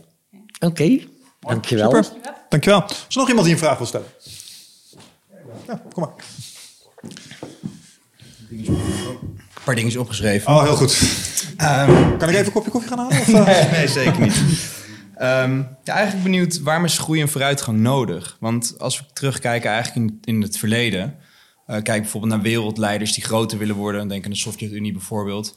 Uiteindelijk zorgt het voor zelfvernietiging. En ook als we kijken naar eigenlijk de wereld. ehm, we zijn aan het groeien en we zijn eigenlijk de wereld aan het uitputten. Waardoor we straks naar een ander, ja, andere planeten moeten... om te zorgen dat we kunnen blijven groeien. Dus Ja. van waar die... Waar moeten we eigenlijk groeien en, en zeg Nee, maar... Ja, maar kijk, nu heb je het over groei van materieel welzijn. Ja, groei van bezit, groei van macht, groei van seks, wat dan ook. Ja, dat zijn typisch ego's wensen. Ja, het ego wil groeien in de zin van eh, nooit geen shit meer en altijd geluk. en, en dan de manier waarop je dat daarnet bedacht. En het is heel duidelijk dat, dat ego's ambities om te groeien eigenlijk een soort contraproductief soort verlangen zijn. Want het creëert, voor, voor een belangrijk deel, creëert het de ellende waar je juist vanaf zou willen. Dus als ik het heb over groei, dan heb ik het over groei van bewustzijn. En groei van bewustzijn is nou precies dat bewustzijn wat ziet dat ego's verlangens contraproductief zijn. Ja, dus groei van bewustzijn laat bijvoorbeeld zien, oh, die neiging om mij helemaal te willen binden aan iemand en dat levert ellende op op termijn. Oh, die neiging om alsmaar meer geld te willen verdienen levert ellende op op termijn. Of andersom, oh, die neiging om mijn nare gevoelens zo snel mogelijk kwijt te willen raken, desnoods dan maar met een paar flessen wijn, levert meer ellende op dan ik het mee kwijtraak. Ja? Dus dat is groei van bewustzijn. Zien dat ego's groeiambities contraproductief werken. En dan kun je dus ego soort van heropvoeden. Dat ego leert dan als het ware via het bewustzijn, groei van bewustzijn, heeft zijn invloed op hoe het ego vervolgens gaat functioneren in de wereld. Het ego zal dan bijvoorbeeld zich minder druk gaan maken over bepaalde vormen van groei en andere vormen van zeg maar, liefdevol aanwezig zijn, juist in zichzelf stimuleren. En waarom heeft de een dan meer moeite met zeg maar, het uh, tegengaan van groei van de ego dan een ander. Gewoon, waarom is de een anders dan de ander? Hè? Omdat we allemaal andere dingen hebben meegemaakt in onze jeugd. Andere input, andere kennis hebben opgedaan in onze jeugd. Andere narigheid hebben meegemaakt in onze jeugd. En dat maakt dus dat het ene ego bepaalde opvattingen heeft... en het andere ego andere opvattingen. Ja. En, en, en dat is... Dus je zal het met je eigen opvattingen uiteraard moeten doen. Dus jij hebt misschien al meer inzichten ontwikkeld in, zeg maar, oh, die gebruikelijke manier van groei, dat levert allemaal ellende op. Dat is dan omdat je misschien in een gezin bent opgegroeid waar enige ruimte was om dit soort ideeën te ontwikkelen. Ja. en omdat je daarna misschien opleiding hebt gedaan waar die ruimte er was. En je hebt misschien boeken gelezen die. Ja, en zo ontwikkel je een, zeg maar een ruimere visie. Dus dat is allemaal prima natuurlijk. Samen met intelligent. Uh... Ja, een bepaalde intelligentie heb je van, uh, vanuit je genen al bij je. Andere mensen hebben iets minder meegekregen. Dus zowel de genen, dat wat je ouders je hebben meegegeven via de genen. En dan wat je ouders je hebben meegegeven via hun houding ten opzichte van hoe jij was als kind. Ja, plus wat je allemaal nog meer hebt meegemaakt als kind. En dat allemaal creëert dus een soort uniek zelfbeeld. Dat noemen we dan het ego. En, en en, en daar is dus op zich ook niks op tegen. Alleen als je niet doorhebt dat dat zelfbeeld niet is wie je werkelijk bent.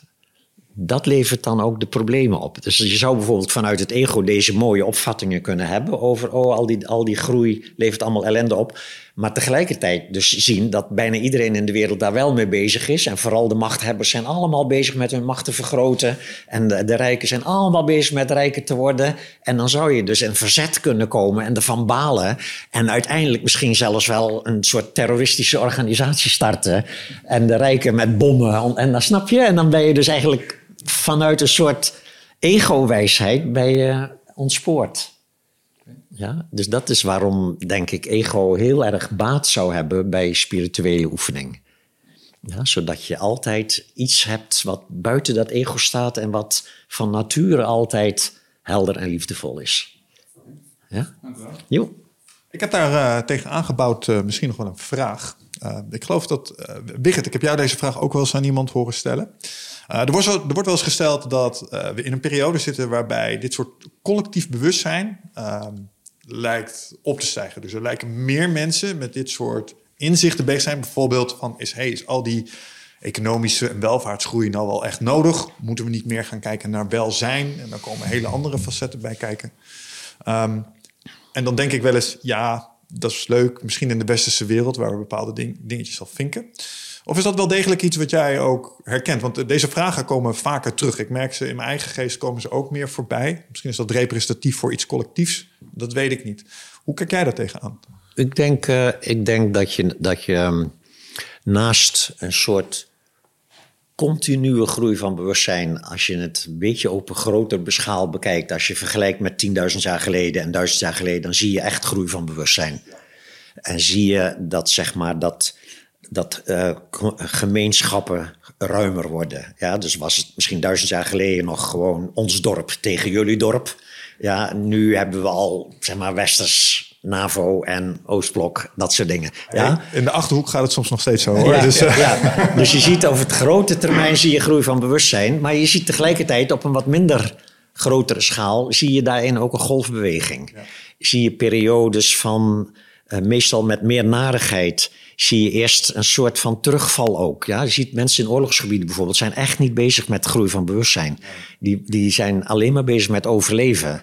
En, en hoe meer in de wereld, als het ware, eh, crisis toeslaat, hoe meer je eerst juist een achteruitgang ziet van groei van bewustzijn, is dan helemaal geen groei van bewustzijn. Dus een en al alleen maar bezig zijn met je eigen hachje te redden. Ja, en pas als die ellende dan zeg maar helemaal zich heeft kunnen uitvroeten, ja, zoals de burn-out jou op een gegeven moment echt gewoon helemaal knock-out slaat en je ligt gewoon thuis voor pampers en dan is er ineens tijd om te denken, wat is er misgegaan? Ja, dat, dus dat is, en dan zie je ineens weer groei van bewustzijn. En, dan, en dat is dan zo bijvoorbeeld van, wat ik net al noemde, na de Tweede Wereldoorlog had je zo'n opleving van, van een soort groei van bewustzijn, daarna weer minder. En dan heb je nu bijvoorbeeld sinds, nou misschien de laatste 10, 15, 20 jaar, heb je ook een soort eh, groei van, zeg maar, spirituele interesses. Eh, waarbij je overigens nog twee soorten spiritualiteit zeg maar, kunt onderscheiden. Wat ik de verhalende spiritualiteit noem en wat ik de wetenschappelijke spiritualiteit noem. En de verhalende is dus, zijn dan vooral mooie verhalen die mensen een soort troost bieden. Een soort andere manier van kijken naar de werkelijkheid. Maar die niet echt gericht is op het doorzien van die werkelijkheid. Maar er als het ware een nieuwere manier van kijken eh, overheen legt. Eh, dat zijn vaak van die verhalen over planeetgeesten of eh, over ehm, de, dat we op weg zijn naar de vijfde dimensie en dat soort dingen. Ja, kwantumveld en dat soort dingen. Mooie verhalen over, is niks verkeerds aan ook. Ehm, maar de echte, de wetenschappelijke spiritualiteit heeft een kenmerk wat de verhalende niet heeft.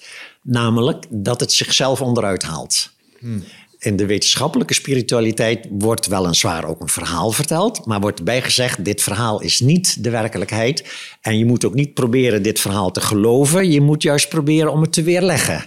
Je moet het onderzoeken en kijken of het misschien fout is. Je moet eigenlijk proberen te bewijzen dat de Boeddha het helemaal mis had. Ja. En hoe langer je dat probeert en het lukt alsmaar niet, hoe meer je realiseert wat de Boeddha heeft gerealiseerd. Ja? Terwijl de verhalende spiritualiteit vertelt prachtige verhalen.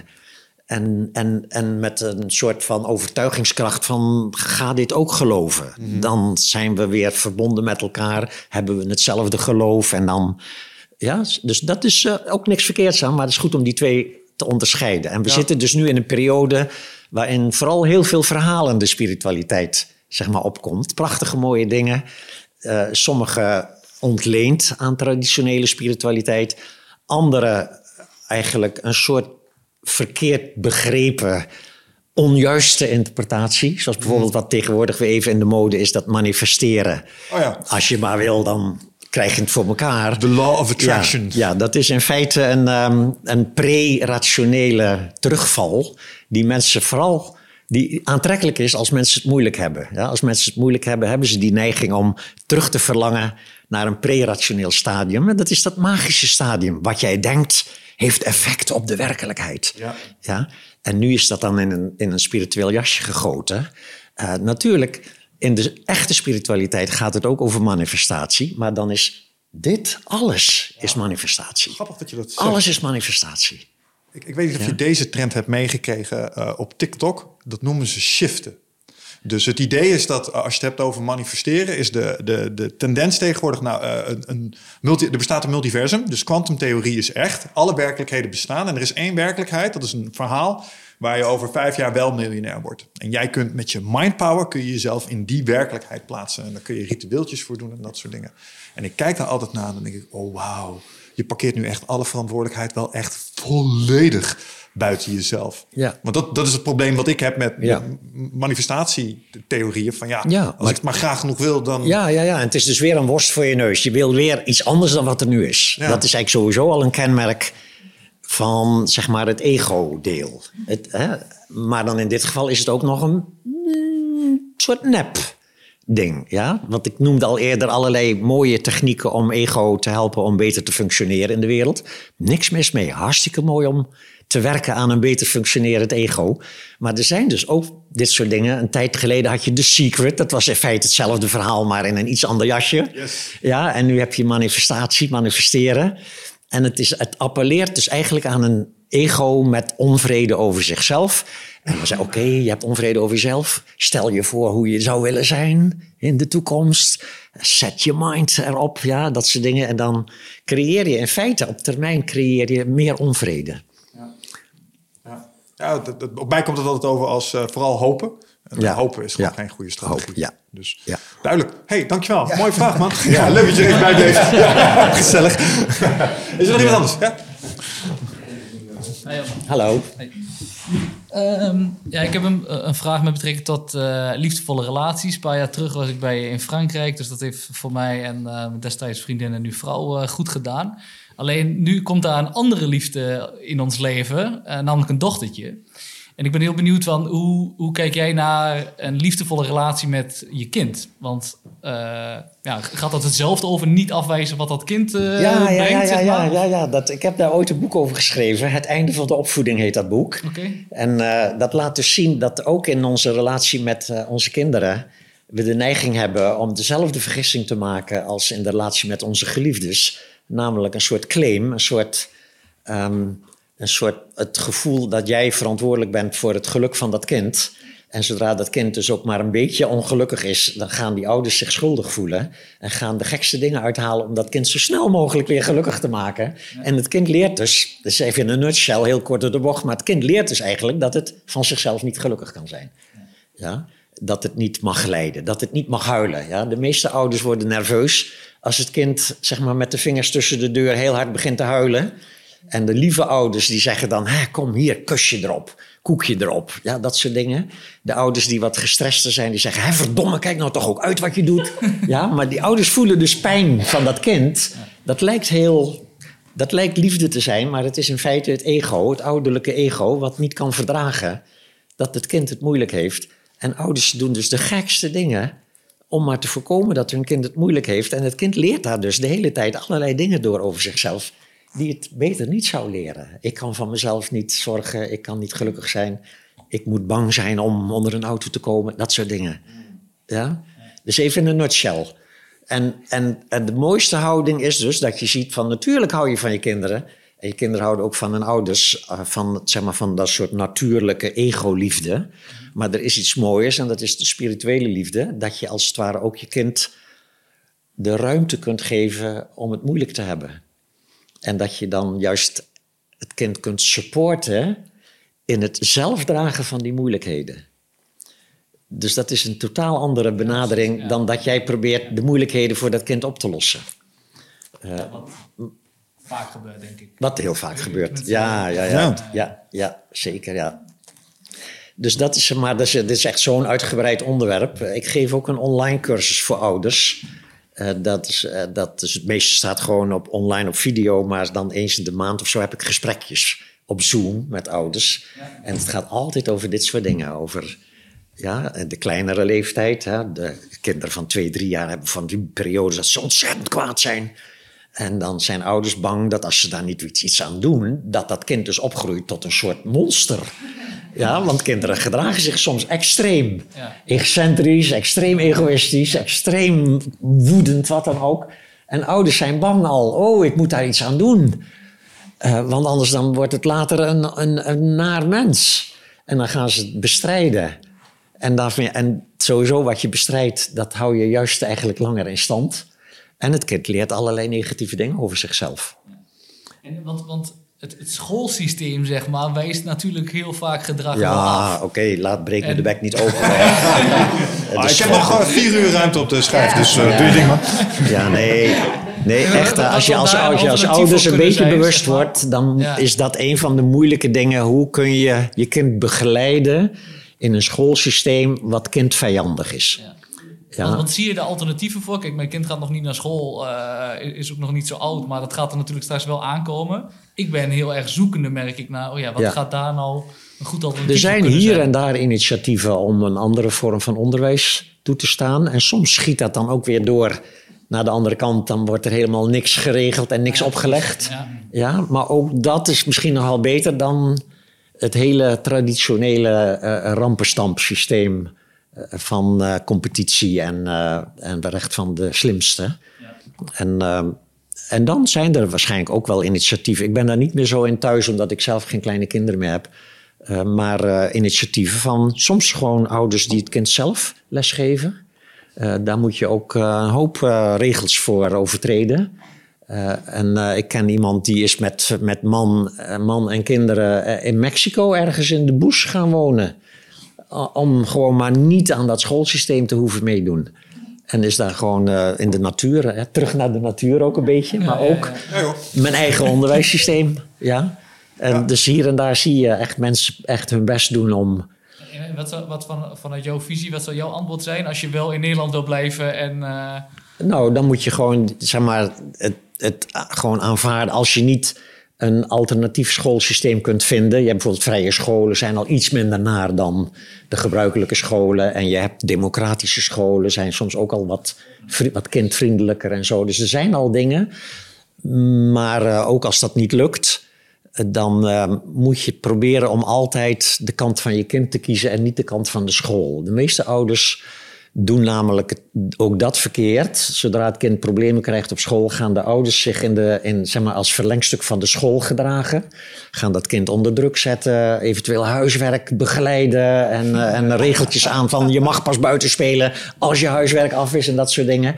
En voor het kind is dat een, een toename van eenzaamheid en afwijzing. En ehm, ouders zouden zich niet moeten laten inspannen voor het karretje van de school. De school is fout bezig, dat kan je gewoon stellen.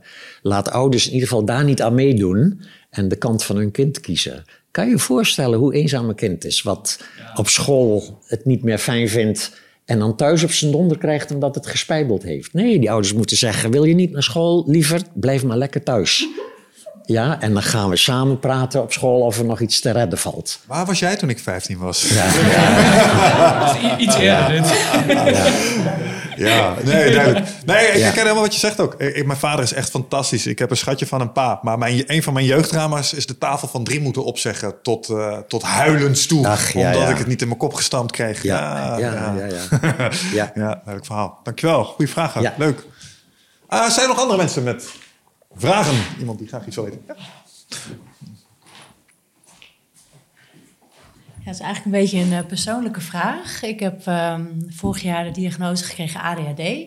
En dat, eh nou, er vielen een heleboel eh, puzzelstukjes. Ehm, voor de vele gedachten en eh, nou ja, zelfafwijzing en dat soort eh, zaken. Ehm, ook wel goed begeleid een, tijdje. En ehm, eh, nou, ook wel geleerd dat, dat je gevoel ook moet toelaten. En, en dat vooral niet moet bestrijden en zo. Nou ja, best wel veel geleerd vorig jaar. En toen stuurde iemand de podcast door van Eindbazen met jou in, van 2016. En toen dacht ik, oh, het ego. Ehm, wat is dan nog ADHD en wat is een overactief ego, zeg maar? Snap je wat ik bedoel? Oh, maar ADHD is ego. Ja, Ja, en, maar en, heb en ik dan een Dzogchen is alles ego. of- Alles is ego behalve gewaarzijn. Dus dat is zo mooi van Dzogchen. Dat is het meest simpele. Je hebt ook spirituele tradities waarin ze ergens een grens trekken van... als je nou geld geeft aan andere mensen en heel lief bent, dat is geen ego. En als je alleen aan jezelf denkt, dat is wel ego. maar dat maakt de dingen heel erg complex. En je kan heel erg lief zijn voor een ander, maar met een soort bijbedoeling voor jezelf. Dus laten we gewoon alles ego noemen. ADHD is dus een, een vorm van, zeg maar, een geest die veel sneller werkt, sensitiever is. Eh, daar zit misschien ook nog een soort biologische component in, hoge intelligentie of sensitiviteit. Eh, daar zitten wat elementen in, misschien ook van eh, tijdens je opvoeding veel afwijzing hebben gekregen, waardoor je een soort oppositiehouding hebt ten opzichte van je eigen gedachten. Nu, als je een pest hebt aan je eigen gedachten, worden ze alsmaar drukker. Ja? Dus dat is allemaal aangeleerd en heel erg problematisch ook en pijnlijk. En, en de, de spirituele visie zegt: probeer maar om je in je beoefening ook daar weer naar te kijken zonder daarover te oordelen. Is oké, ja, ADHD is een nare omstandigheid, maar elke nare omstandigheid is tegelijkertijd een onderdeel van groei van bewustzijn. Eh, ik kan leren kijken nu naar die drukke gedachten. Eh, dat, vergt wel wat meer oefening Ja, dan als je kalme dat- gedachten ja. hebt, uiteraard. Maar tegelijkertijd, ja, als je in de bergen woont, leer je beter klimmen. Ja. Ja, je kan zeggen van wat naar dat ik in de bergen woon, dan moet ik telkens omhoog lopen. Maar je kan ook zeggen, ik leer er beter door klimmen. Ja. Ja? Dus dat is het hele punt. Nou en daarnaast uiteraard eh, moet je ook op, eventueel met psychotherapie en dat soort dingen, moet je gewoon heel goed voor jezelf zorgen. Ja. Zodanig dat je ook het ego-deel helpt om zo gezond mogelijk te functioneren. Ja, ik was, eh, je boek eh, heb ik inmiddels gekocht, Verslaafd aan Liefde. En er staat dan de manieren ook in hoe je dan moet gaan mediteren. Nou, daar zie ik natuurlijk enorm tegen op. Ja. Eh, want dan denk ik, ah, dat kan ik helemaal niet. En dat is natuurlijk wel heel, dat is heel begrijpelijk, omdat je dan vaak toch in het begin de instructies interpreteert vanuit het ego. Oh, dan moet het dus kalmer worden in mijn geest. Ja, Nee, maar vijf niet. minuten zitten met zo, Ja. de gedachten alle kanten op, dat is natuurlijk Ja. heel lang. Ja. Ja. ja, maar als je nou eens begint met vijf minuten gaan zitten zonder dat je iets hoeft te veranderen aan je gedachten. Je zet je timertje, je gaat wel op die stoel zitten en je zorgt dat er geen tv aanstaat of radio of telefoon. En dan ga je vijf minuten zitten en niks hoeven. Oké. En natuurlijk, ook dan zul je af en toe je ergeren aan de drukte in je hoofd. Maar op sommige momenten zul je ook misschien eventjes een soort van, oh, dat even een momentje voor mezelf gevoel hebben. Ja. Daar begint eigenlijk de beoefening. Ja. Dat Want dat niks- mag meestal al niet hoor, van mezelf. Dat- Niks doen. Niks doen. Nee. Nee. Ja, precies. Ja. Dus dat is de uitdaging van deze Ja. vorm van beoefenen. Ja, oh, fijn dat het ook zo eh, kan beginnen. Ja. Dankjewel. Ja, probeer maar. Ja, dankjewel. Mooi, super. Who's next? Zijn er nog vragen? Oh, dat is twee zelf. Kom maar. Dames eerst. Ik heb je gezien, Bart. Ja. Komt goed. Hi. Zo. Eh, hoi. Hi. Ehm, een vraag. Wij beoefenen al een tijdje, mijn vriendin en ik, samen. En ehm, we hadden het er in de auto onderweg hier naartoe over. Je merkt, eh, naarmate je beoefent, ehm, word je er, nou, gaat het steeds makkelijker. Tegelijkertijd ga je ook zien bij anderen op je werk of in relaties die niet beoefenen, valt het heel erg op dat zij nog heel erg in hun ego zitten. En dan voel je een soort van op een andere frequentie dan, ja, dan, dan, dan zij. Heb jij dat ook? Hoe, hoe ga je daarmee om? Ehm, ik zie wel, eh, wel natuurlijk dat, er, dat sommige mensen anders tegen de wereld aankijken dan, dan ik vanuit zeg maar, spirituele ervaring. Alleen ik heb er geen last van, want het last hebben is het ego. Ja. Ja? Dus op het moment dat je last hebt van andere ego's, weet je dat jouw ego Ja, ja, ja. eh, nog niet helemaal liefdevol omhelst wordt. en, eh, en, en daar moet je dan weer naar kijken met een soort glimlach. Met een soort van wat grappig eigenlijk. Hè? Dat, dat ik me aan het storen ben aan het ego van een ander. eh, mag, is oké. En in die vriendelijke houding ten opzichte van je eigen ego's, irritatie aan andere ego's. Want dat is wat ego's doen. Ego's vinden elkaar of heel erg leuk of ze gaan elkaar irriteren. Of ze zijn uiteraard onverschillig ten opzichte van elkaar. Maar er is altijd één van die drie. En dat gewoon herkennen. Ja. Is normaal, is oké.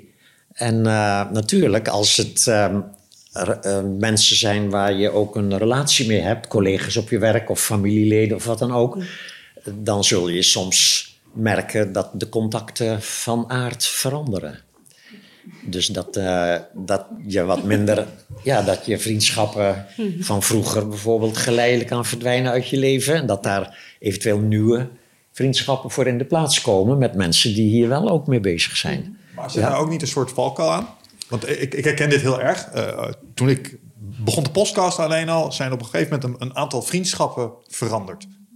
Maar als ik daar nu achteraf op terugkijk, was dat ook omdat ik wel... Ik begon iets anders van mezelf te vinden. Want ik was ineens de ondernemende meneer die met van alles... En zij waren de mensen die thuis bleven zitten. En, eh, en dat dus, eh, da- daar maakte ik zelf ineens een differentiatie in geïnitieerd vanuit mijn groei. Dat kan, ja. Ik bedoel, wat ook de reden is, contacten komen en gaan, hè? Nee, dat snap ik. Dus, dus eh, Maar is het een risico van het beoefenen, bedoel ik, dat je dan ineens vindt, oh, ik ben beoefenaar? oh ja, maar dat is elke spirituele context kan ook door ego geannexeerd worden in een Exact. soort spirituele correctheid. Ja, en dat zie je een beetje ook in jouw vraag. Zit een vorm, een beetje spirituele correctheid. Een soort van, oké, ik gedraag me nu al wat vriendelijker ten opzichte van mezelf. En dan zie je ineens je broer of je zus of je moeder zichzelf vreselijk afwijzen. En dan kan je je daaraan kapot aan ergeren. Zeg, mijn god, weet je wel, jeetje, wat is die zichzelf aan het afwijzen? Moet je niet doen, zeg je dan. Maar dan ben jij dus eigenlijk die ander aan het afwijzen, omdat hij zichzelf afwijst. precies, ja. Dus dan eh, geleidelijk aan krijg je, krijg je dat door. Dus je zou kunnen zeggen, het is een stadium. Een soort, soort van, soort van ehm, stadium waarin je heel enthousiast bent over je Mm. eigen spirituele bezigheden. Maar daar zit een stukje nieuwe identiteit ook in. Je ontleent er een stukje identiteit aan. En identiteit scheidt ons altijd af van anderen. Dat is wat het ego is. Ja? Het ego is, is in zekere zin altijd afgescheiden van anderen. En, eh, en, en, en dat dan weer herkennen met die vriendelijkheid, die komt vanuit de niet-afgescheidenheid. En dan kun je vriendelijker worden voor je eigen ego. En hoe vriendelijker je wordt voor je eigen ego, hoe minder last je hebt van andere ego's. Evengoed kan je bij sommige ego's wel zeggen: van daar heb ik eigenlijk geen zin in. Dan hoef ik daar geen contact mee. Maar daar hoef je er niet onder te lijden. Dan ben je vrij in wel of geen contact aangaan met iemand. Zonder dat die ander hoeft zeg maar, gedisqualificeerd of gedenigreerd te worden als minder dan ik. Ja, ja succes. Thanks. Ja. Alright, we doen er nog één, tenzij er nog eh, mensen zijn met andere prangende vragen. Bart. Leuk om een keer eh, hier eh, te spreken. Eh, je had het over boeddhistische omroep. Dat is het fenomeen Tukdam. Tukdam, ja, Ja, dat is ja, de, dat is zo heet de documentaire. Ja, documentaire. Tukdam. Is het Tibetaanse woord voor die meditatiestaat na het overlijden. Maar goed, Ja. dat was mijn vraag niet. Ja. dat was Bedankt voor de toevoeging. maar ik vond de toevoeging wel leuk, want het is een hele leuke uitzending is om te zien hoe die mensen daar gewoon tot, tot 16 dagen Ja, gewoon, bijzonder, gewoon Ja. blijven zitten en, en er gebeurt niks mee. Fantastisch.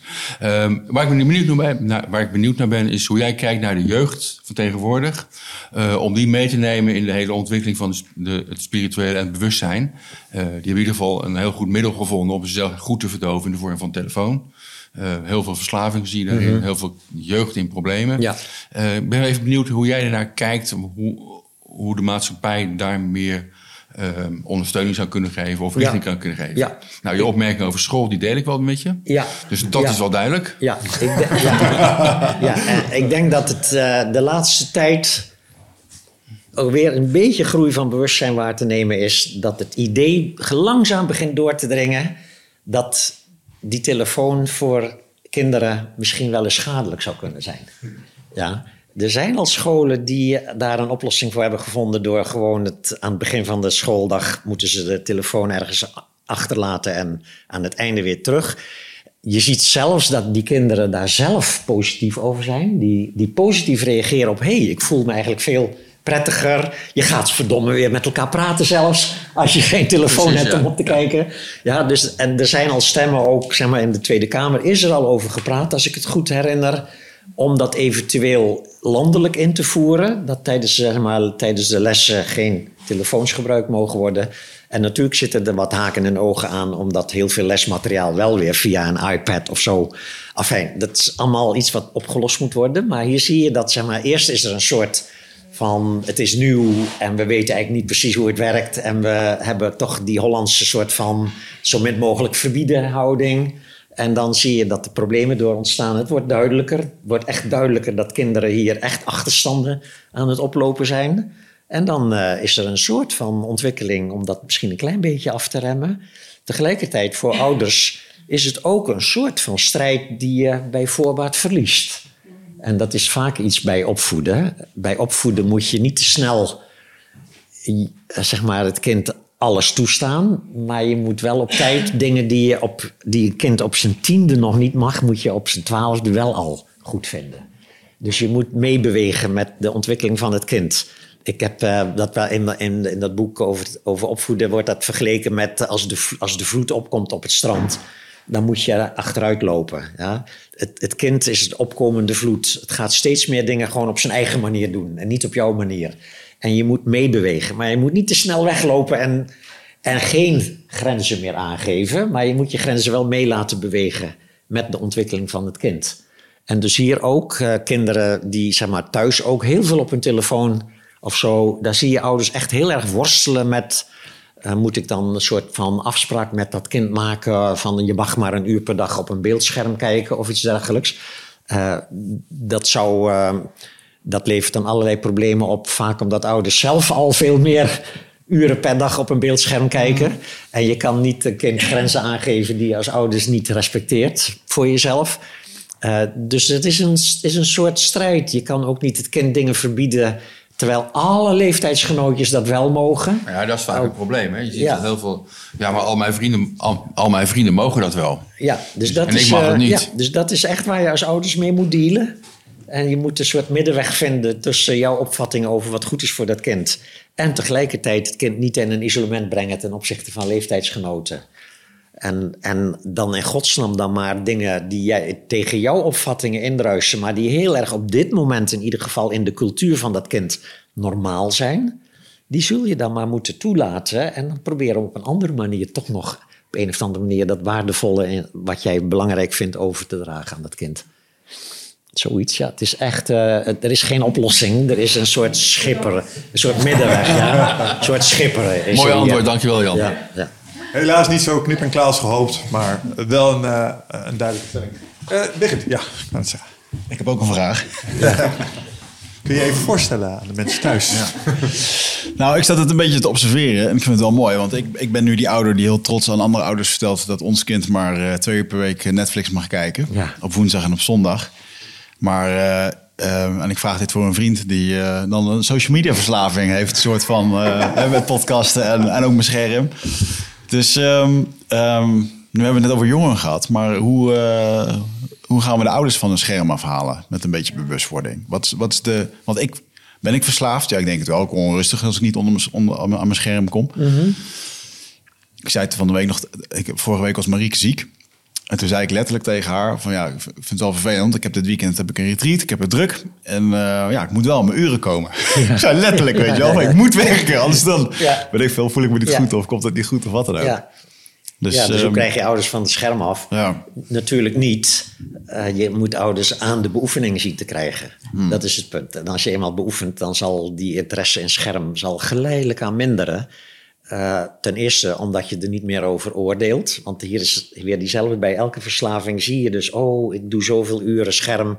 Eigenlijk is dat te veel. Dat, hè, dat eigenlijk doe ik iets niet goed. Daar zit hem al die, die schuring in van het ego... wat zeg maar een neiging heeft om dingen te gebruiken als zelfafwijzing. Dus nee, je mag gewoon, zolang als je wil. En dan krijg je, als je niet meer oordeelt over de hoeveelheid schermtijd... dan zul je makkelijker in contact komen met iets in jou... wat merkt dat je er ook iets door kwijtraakt. En dat wat je erdoor kwijtraakt, is precies wat je ontdekt in je beoefening. Want beoefening is natuurlijk, al begin je maar met drie keer per dag vijf minuten, maar is wel drie keer per dag vijf minuten zonder beeldscherm, zonder telefoon, zonder überhaupt met iets bezig te zijn. Daar begint dat besef van dat er nog iets in jou is wat zeg maar helemaal niet aan bod komt, zolang je in je denkwereld zit. Wat is er mis met deze gedachtegang? Want eh, de klassieke opvoedkundige fout is... je moet niet doen wat ik doe, je moet doen wat ik zeg. Wat nou als alle ouders dit gewoon eens zouden gaan doen... zodat ze het goede voorbeeld kunnen geven aan hun kinderen? Het beoefenen. Nou ja, niet Ja, gewoon maar je relatie met je telefoon veranderen. Zodat je gewoon aan je kind kan laten zien... kijk, papa en mama snappen het... maar papa en mama doen ook gewoon maar twee uurtjes per dag... want we hebben geleerd inmiddels... het is gewoon niet zo goed voor je. Ja, natuurlijk. Maar dat is dus eigenlijk het hele punt. Als je überhaupt je kinderen iets wil meegeven, dan kan dat alleen nog maar door daar eerst jezelf in te Ja, heropvoeden. exact, exact. Dus als ouders zelf vanuit bewustzijn, dus ook weer, pas op, niet vanuit een soort ego-spirituele correctheid. Oh, scherm kijken is fout. We gaan onszelf op een rantsoen zetten. Terwijl je eigenlijk verlangt naar meer. Ja? Ja. Nee, je hebt echt ontdekt. Nee, het is veel leuker om gewoon ook af en toe gewoon stilte in huis. Of af en toe praten met elkaar. En dat ook werkelijk toepassen in huis. En, en dan kan je tegen je kinderen zeggen van... eventueel voor zover die kinderen nog een leeftijd hebben... waarop ze zich ook nog een beetje laten opvoeden... kan je zeggen, ja, want ook hier moet je weer goed contact houden met... hoe oud is het kind en hoe zit het met de, de samenleving... Ja. waar dat kind ook mee te maken heeft. Maar evengoed, dan kan je als ouders misschien een klimaat creëren in huis... waarin kinderen het ook leuk vinden om onder het eten niet op hun telefoon te hoeven kijken. Ja. En, en is er in jouw opzicht eh, hoop voor de jeugd? Altijd, tuurlijk. In de zin van, ja, het klinkt een beetje dystopisch, maar is er hoop voor de jeugd die... Want Tuurlijk, die want alle ellende, alle ellende draagt bij aan groei van bewustzijn. Ja, ja, je weet alleen niet, je weet niet hoeveel en hoe lang. Ja, Ik zie, ik zie toch elk jaar weer meer jonge mensen in mijn cursussen. ja, Dat is gewoon heel, heel, heel leuk, is dat. Gewoon heel vreugdevol. ja. Ik bedoel, zit ik- een man van 70 zit hier weet je, wel, aan, aan, aan jonge mensen van 20, 25, 30 jaar te vertellen. En die zitten allemaal ademloos te luisteren. En hebben, we hebben het grootste plezier samen en zo. Dat is toch hartstikke leuk. Dat was tien jaar geleden wel anders. Ja. Toen waren het allemaal veertigers, vijftigers en ouder Ja. in mijn cursussen. Dus een enorme... En dat is ook het voordeel van al dat beeldscherm. Ja. Ja, want ze krijgen het via het beeldscherm.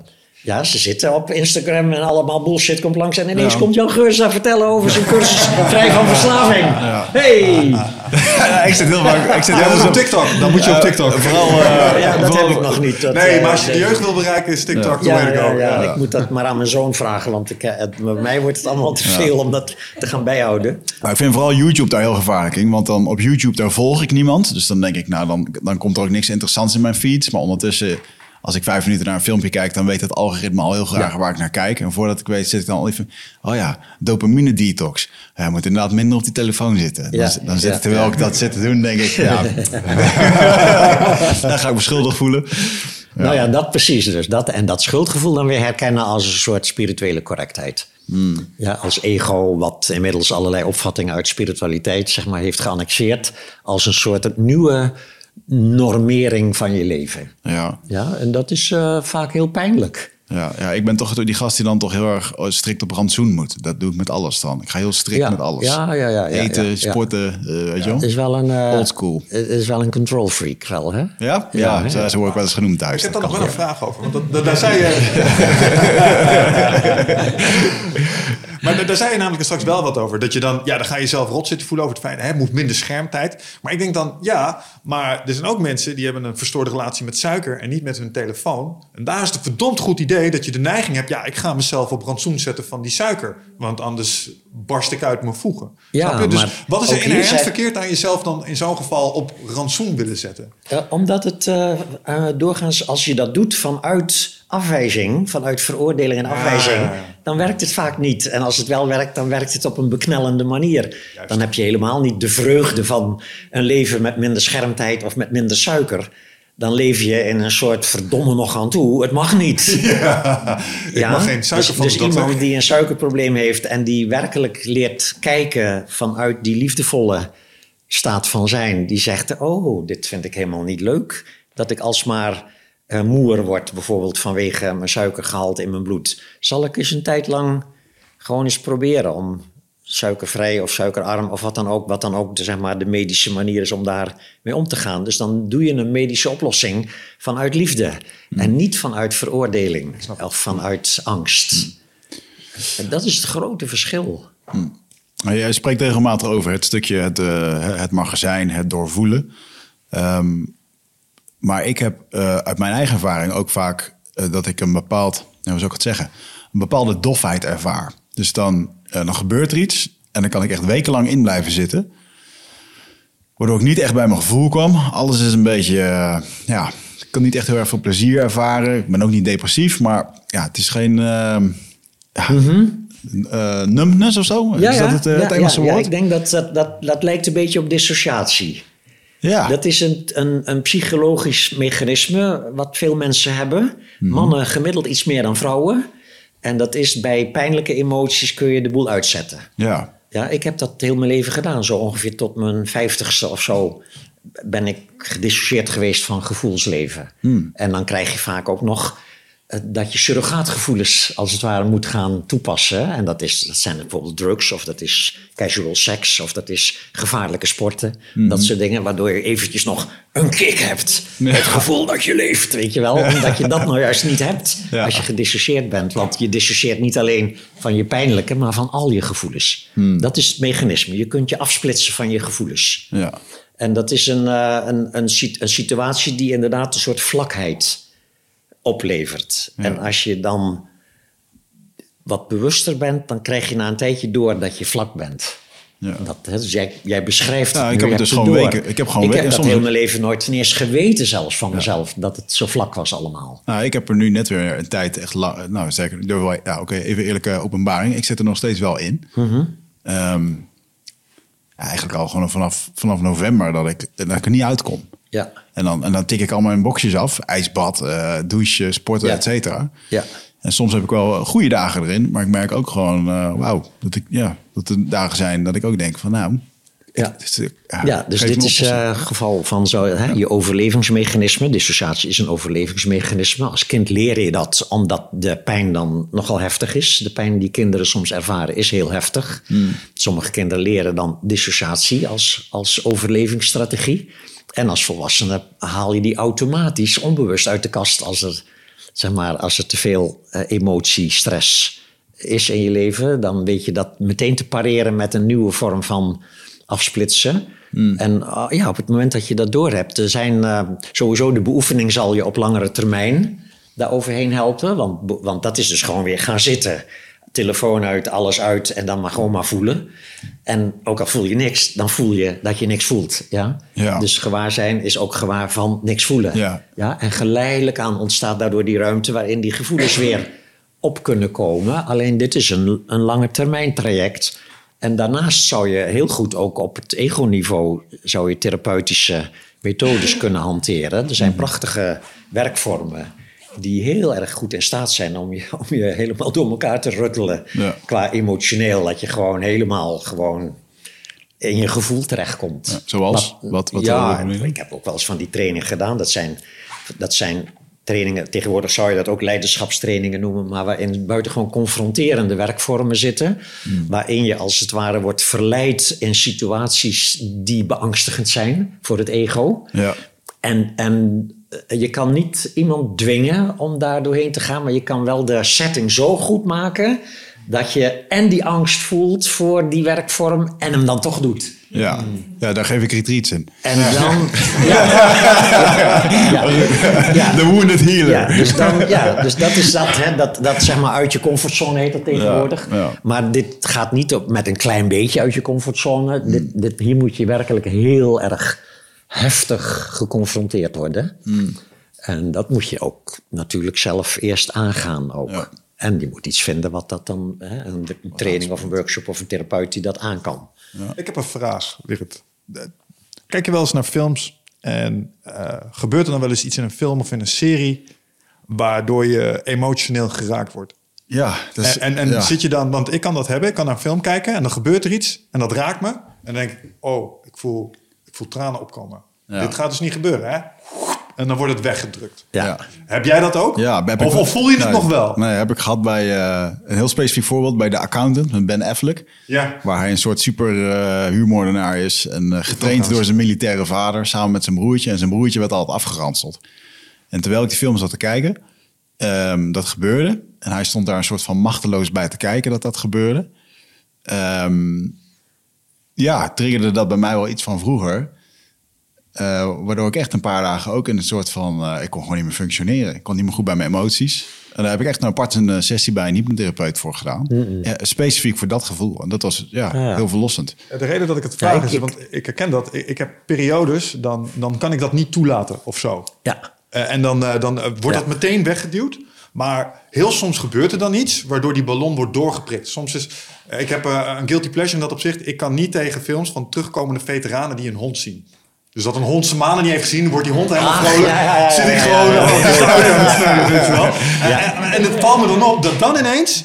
Dan is er wel weer ruimte voor die gevoelens. Alsof er een soort ballon is lek geprikt. En ineens kan ik ook Ja. weer. Dan is het lucht, Kan ik, ontspanning. kan ik me Ja. weer Ja, ja, ja. geëmotioneerd voelen op andere Ja, momenten. Dus ik kan me wel herinneren van vroeger, dus in mijn gedissocieerde periode, dat als ik naar een film keek waarin dat gebeurde, dat ik dus inderdaad zat te balen van mezelf. En heel erg met een soort afwijzing van, Ja. wat verdomme, hoe kan je nou in godsnaam hier verdrietig over worden? Van, want dat was dan allemaal een soort Amerikaans, soort kitscherig soort van, soort van emotie. En dan, hè, verdomme nog aan toe. Kazig, Tegenwoordig, ja. ik geniet gewoon. Ik vind het heerlijk. De onbenulligste dingen, tranen in mijn ogen. Ik heb het Lekker ook bij sommige ja. muziekstukken ook. Oh, grappig, ja. Dan echt, dan zit ik helemaal, stroomt gewoon. Oh, heerlijk, emotie, emotie. Ja, ja, het is gewoon echt fantastisch leuk. Emoties zijn leuk. Ja.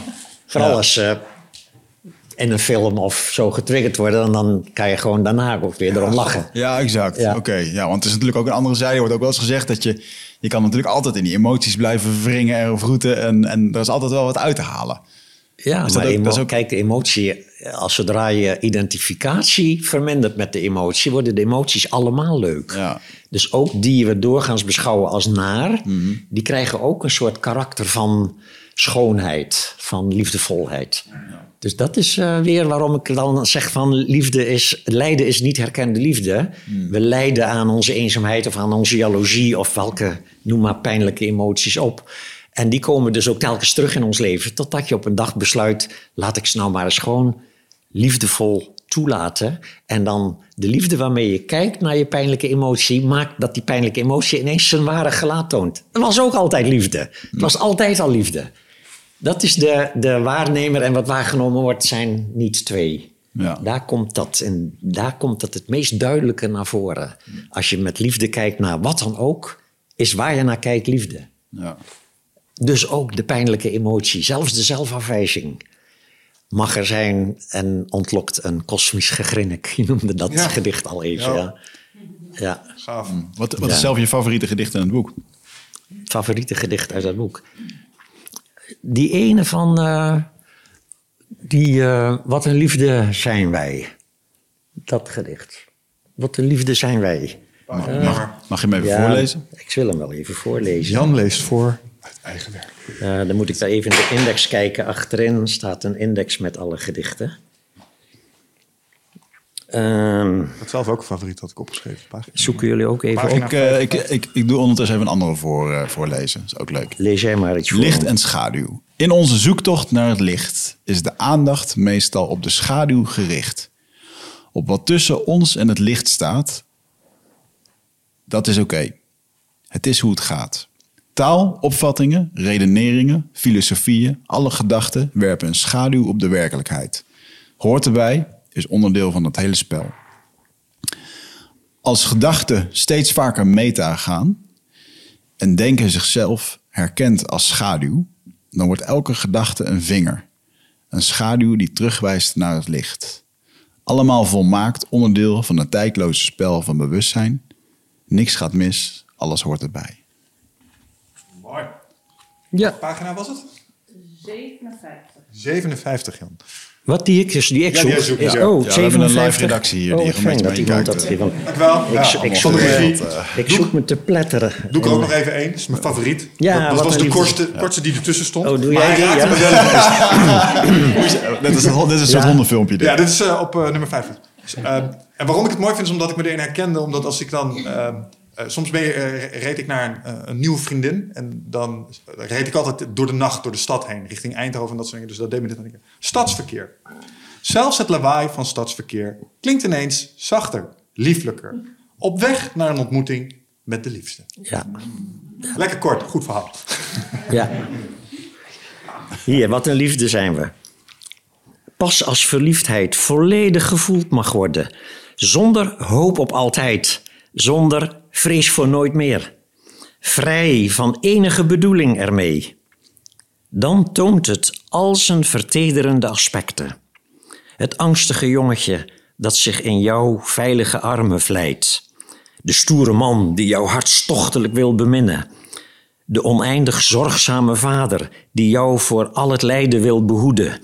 De spirituele kameraad die al je gedachten wil weten en al je gevoelens zonder oordeel omhelst.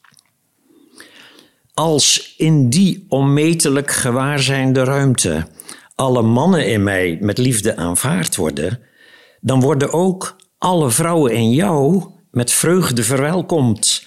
Jij, de tedere schoonheid, liefdevolle moeder, warme vriendin, onstuimige vrijster, kwetsbare beschermeling, de vrije vrouw van de wereld, de schuchtere godin, onwennig in het aardse. Alles in jou wordt bemind door alles in mij. Dat wat waarneemt is net zo puur en liefdevol als dat wat waargenomen wordt. Jij in mij, ik in jou. Wat een liefde wij zijn. Mooi. Heel tof. En ehm, is het een, eh, het is ook even af te vragen, is het, is het een mogelijkheid dat wij met het publiek hier, dat jij een korte eh, oefening met ons doet om eh, gedachten waar te nemen of juist niet? Ja, jij hoor. daarvoor open om zoiets te doen? Is dat, dat, is, ja, dat kan. Ja? Iets van, vijf, kan. iets van vijf minuten of zo? Ja, een paar minuten is Ja? genoeg. Ja. Ben ik wel benieuwd. Een paar minuten is genoeg. Ja, les, les van Jan, jongens. Omkleden? Ja, kan je- Bokshandschoenen aan. Hebben we watertje? Doe eerst even nog. Dus kijken naar je gedachten is eh, doorgaans heel erg moeilijk, omdat die gedachten altijd een verhaal in zich hebben over de werkelijkheid en jij gelooft dat verhaal. Maar je kan het al een klein beetje doen als je een gedachte neemt die niet zo'n heel erg belangrijk verhaal in zich houdt. En dat gaat als volgt. Ik ga zo meteen een willekeurig woord noemen. Althans, voor jullie is het een willekeurig woord. Ik weet hem al. En zodra ik dat woord zeg, dankjewel, ga je een gedachte zien opkomen. Want dat is een van die kenmerken van onze denkende geest. Zo'n beetje alles en iedereen kan er gedachten in laten opkomen. Ja, je denkt misschien dat jij de baas bent over je gedachten, maar dat is helemaal niet het geval. Je wordt gedacht. En je loopt over straat en je ziet dingen en daardoor denk je dingen. En iemand zegt iets en daardoor denk je dingen. En je herinnert je en daardoor denk je dingen. En nu ga ik dus een woord zeggen en daardoor komt er in jou een gedachte op. En die gedachte kun je dus zien opkomen. Dus jij bent de waarnemer en de gedachte is wat waargenomen wordt. Dus let goed op. Ik wacht heel even, zodat je even kan focussen. Ja, waar je op focust is dus eigenlijk al op die plek waar die gedachte straks zal opkomen. Terwijl je niet echt kan zeggen waar dat is. Ja, we weten niet waar gedachten zich afspelen.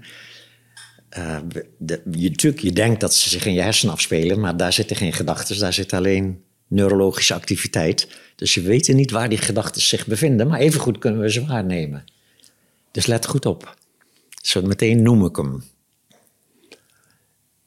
Dus ook op dit moment ben je al aan het waarnemen.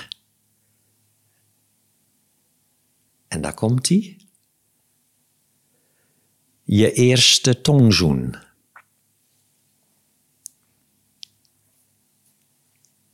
Ja, er kwam ongetwijfeld een beeld op.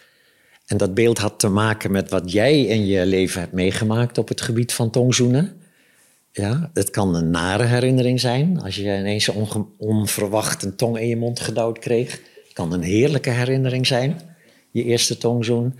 Eh, als je misschien hè, nog nooit getongzoend hebt, dan komt er ook iets in je op, namelijk een soort van: oh, dat heb ik nog nooit gedaan. Zou dat misschien raar zijn of zo? Er is altijd een reactie. Zag je hem opkomen, het beeld, de herinnering? Kun je hem nog even waarnemen? Dus dan hou je hem even in de lucht. Gewoon het beeld. Dat is kijken naar gedachten. Nu noem ik nog een woord. Nog een simpeler woord. Citroen. Wow, zie je hem? Geel. Sommige mensen eh, eh, zien hem alleen. Sommige mensen horen meteen daarna ook het woord in hun geest. Zeker als je die citroen een beetje probeert te blijven denken, als het ware. Je houdt hem in de lucht. Dus er is een beeld en of een geluid van het woord citroen. Maar er is dus ook iets wat dat ervaart op dit moment. Er is iets wat dat waarneemt. Is iets wat bewust is van die gedachte citroen.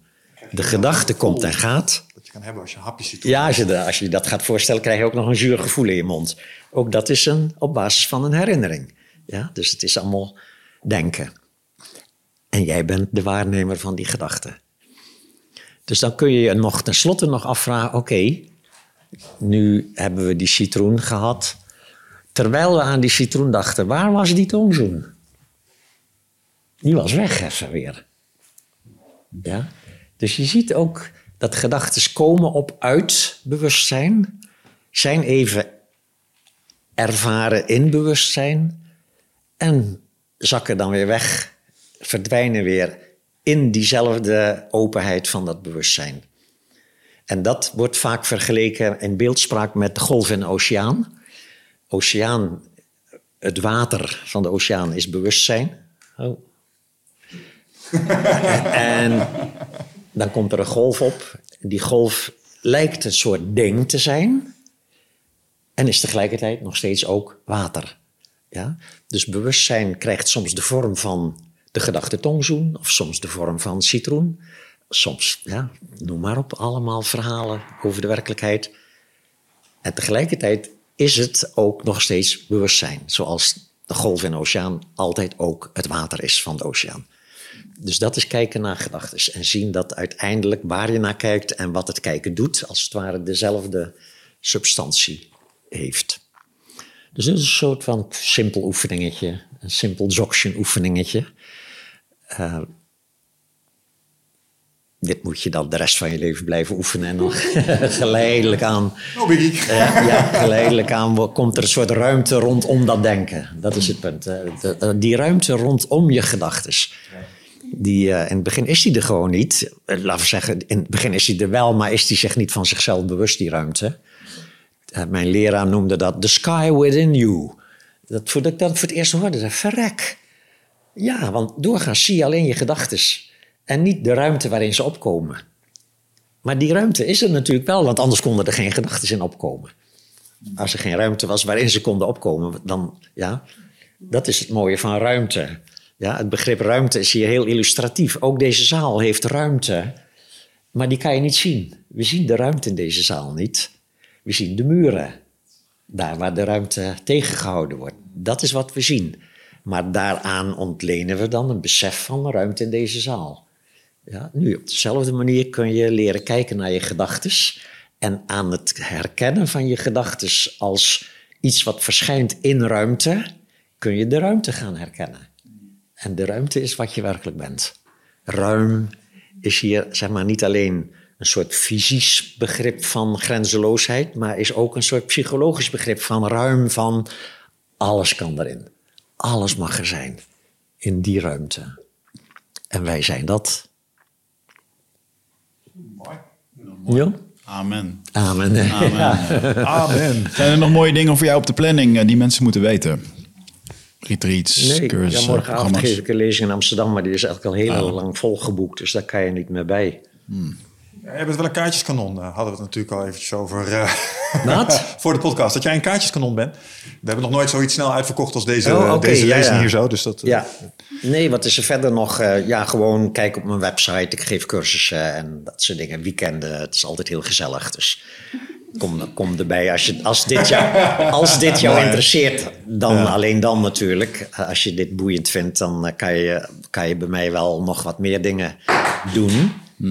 En, ehm, en anders gewoon kijk rond op YouTube. Hè? Want er is zoveel moois in de aanbieding. Zoveel mooie spirituele leraren.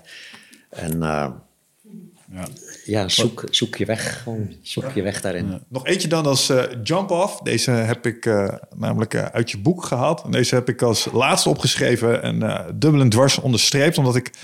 Je kan je misschien ook wel als je hier naar luistert afvragen... Ja, maar waarom zou je dit allemaal doen? Ja, Wat, wat, is, het, wat is het? why bother? Why bother? Het klinkt vermoeiend. We zijn op een bepaalde manier gebouwd. Is dat Ja. niet goed genoeg? Alleen het antwoord vond ik dus redelijk achteraan je boek. Dus dat je goed gedaan. Ehm, niets hoeven bereiken is wat je bereikt. Ja, En dat vond ik Ja. echt ja heel dat is, erg dat is de, de paradox. Hè? Ja. ja. Dus dat is het hele punt. Mensen denken inderdaad vaak van... jeetje, nog weer, nog weer iets erbij. Weet je wel, ik heb het al zoveel te doen. Ik moet al een baan en al een gezin en dat. En dan ook nog spiritueel verlichting bereiken. Come on. Ik heb al genoeg op mijn bord. En dat is nou juist het hele punt. Spiritualiteit gaat dus over niet hoeven te bereiken. Ja, en, maar niet, niet hoeven te bereiken vanuit een soort slappe luiheid in je bed blijven liggen en niks meer hoeven. Dat is ego's, niks hoeven te bereiken. Nee, het is gewoon herkennen dat alles al goed is zoals het is. En dan goed- kan het ego daarnaast gewoon leuke dingen blijven doen, uiteraard. Het is niet zo dat dat dan ophoudt of zo. Je blijft je werk doen en je kinderen lief vinden en leuke dingen doen in je leven. Maar tegelijkertijd is er een soort enorme ruimte omheen die jou bevrijdt van de noodzaak en de, en de behoeftigheid daaraan. Nogmaals, dat lijkt me een eh, zeer bevrijdende staat om naartoe te werken. Dus, eh, Ja. Jan, dankjewel weer voor het delen van al je kennis en Ja. je wijsheden. Ja, dankjewel voor mensen die erbij waren, ook bedankt voor jullie bijdrage natuurlijk. Mooie vragen voorbij horen komen, dus helemaal te gek. En eh, voor de luisteraars, eh, jullie zien we de volgende keer weer. Tot wat melden? keer. Eh, nee, ik wilde Jan ook nog even bedanken. En, eh, en hopen dat je hier nog een vijfde keer komt. Ja, dat zal Dat, eh, bij leven en welzijn. Hè? ga je nog een nieuw, ben je al bezig met een nieuw boek? Nee. Of, eh, nee, oké. Nou, Nee, eerst ga ik deze eh, op het gemakje inspreken. Dan wordt het ook een luisterboek. En dan maak ik er zelf muziek bij ook. Ah, leuk. Dus dat is best wel een hoop werk. Dus het kan een paar maanden Ja. duren. Maar dan, Ah. eh, dan heb je weer iets, een leuk luisterboek ook. Hè? Leuk. Binnenkort op Storytel te vinden, dus. Waarschijnlijk. Nee, ik, ze zijn alleen op mijn eigen website. Oh, echt waar? Nee, ik plug ik gewoon even voor je. Maar nee, nee. Dus uh, janfirst.nl voor de audioboeken en de trainingen en de cursussen. Ja. Goed. Alright. Dankjewel. Dank jullie wel. Tot de volgende. Ciao.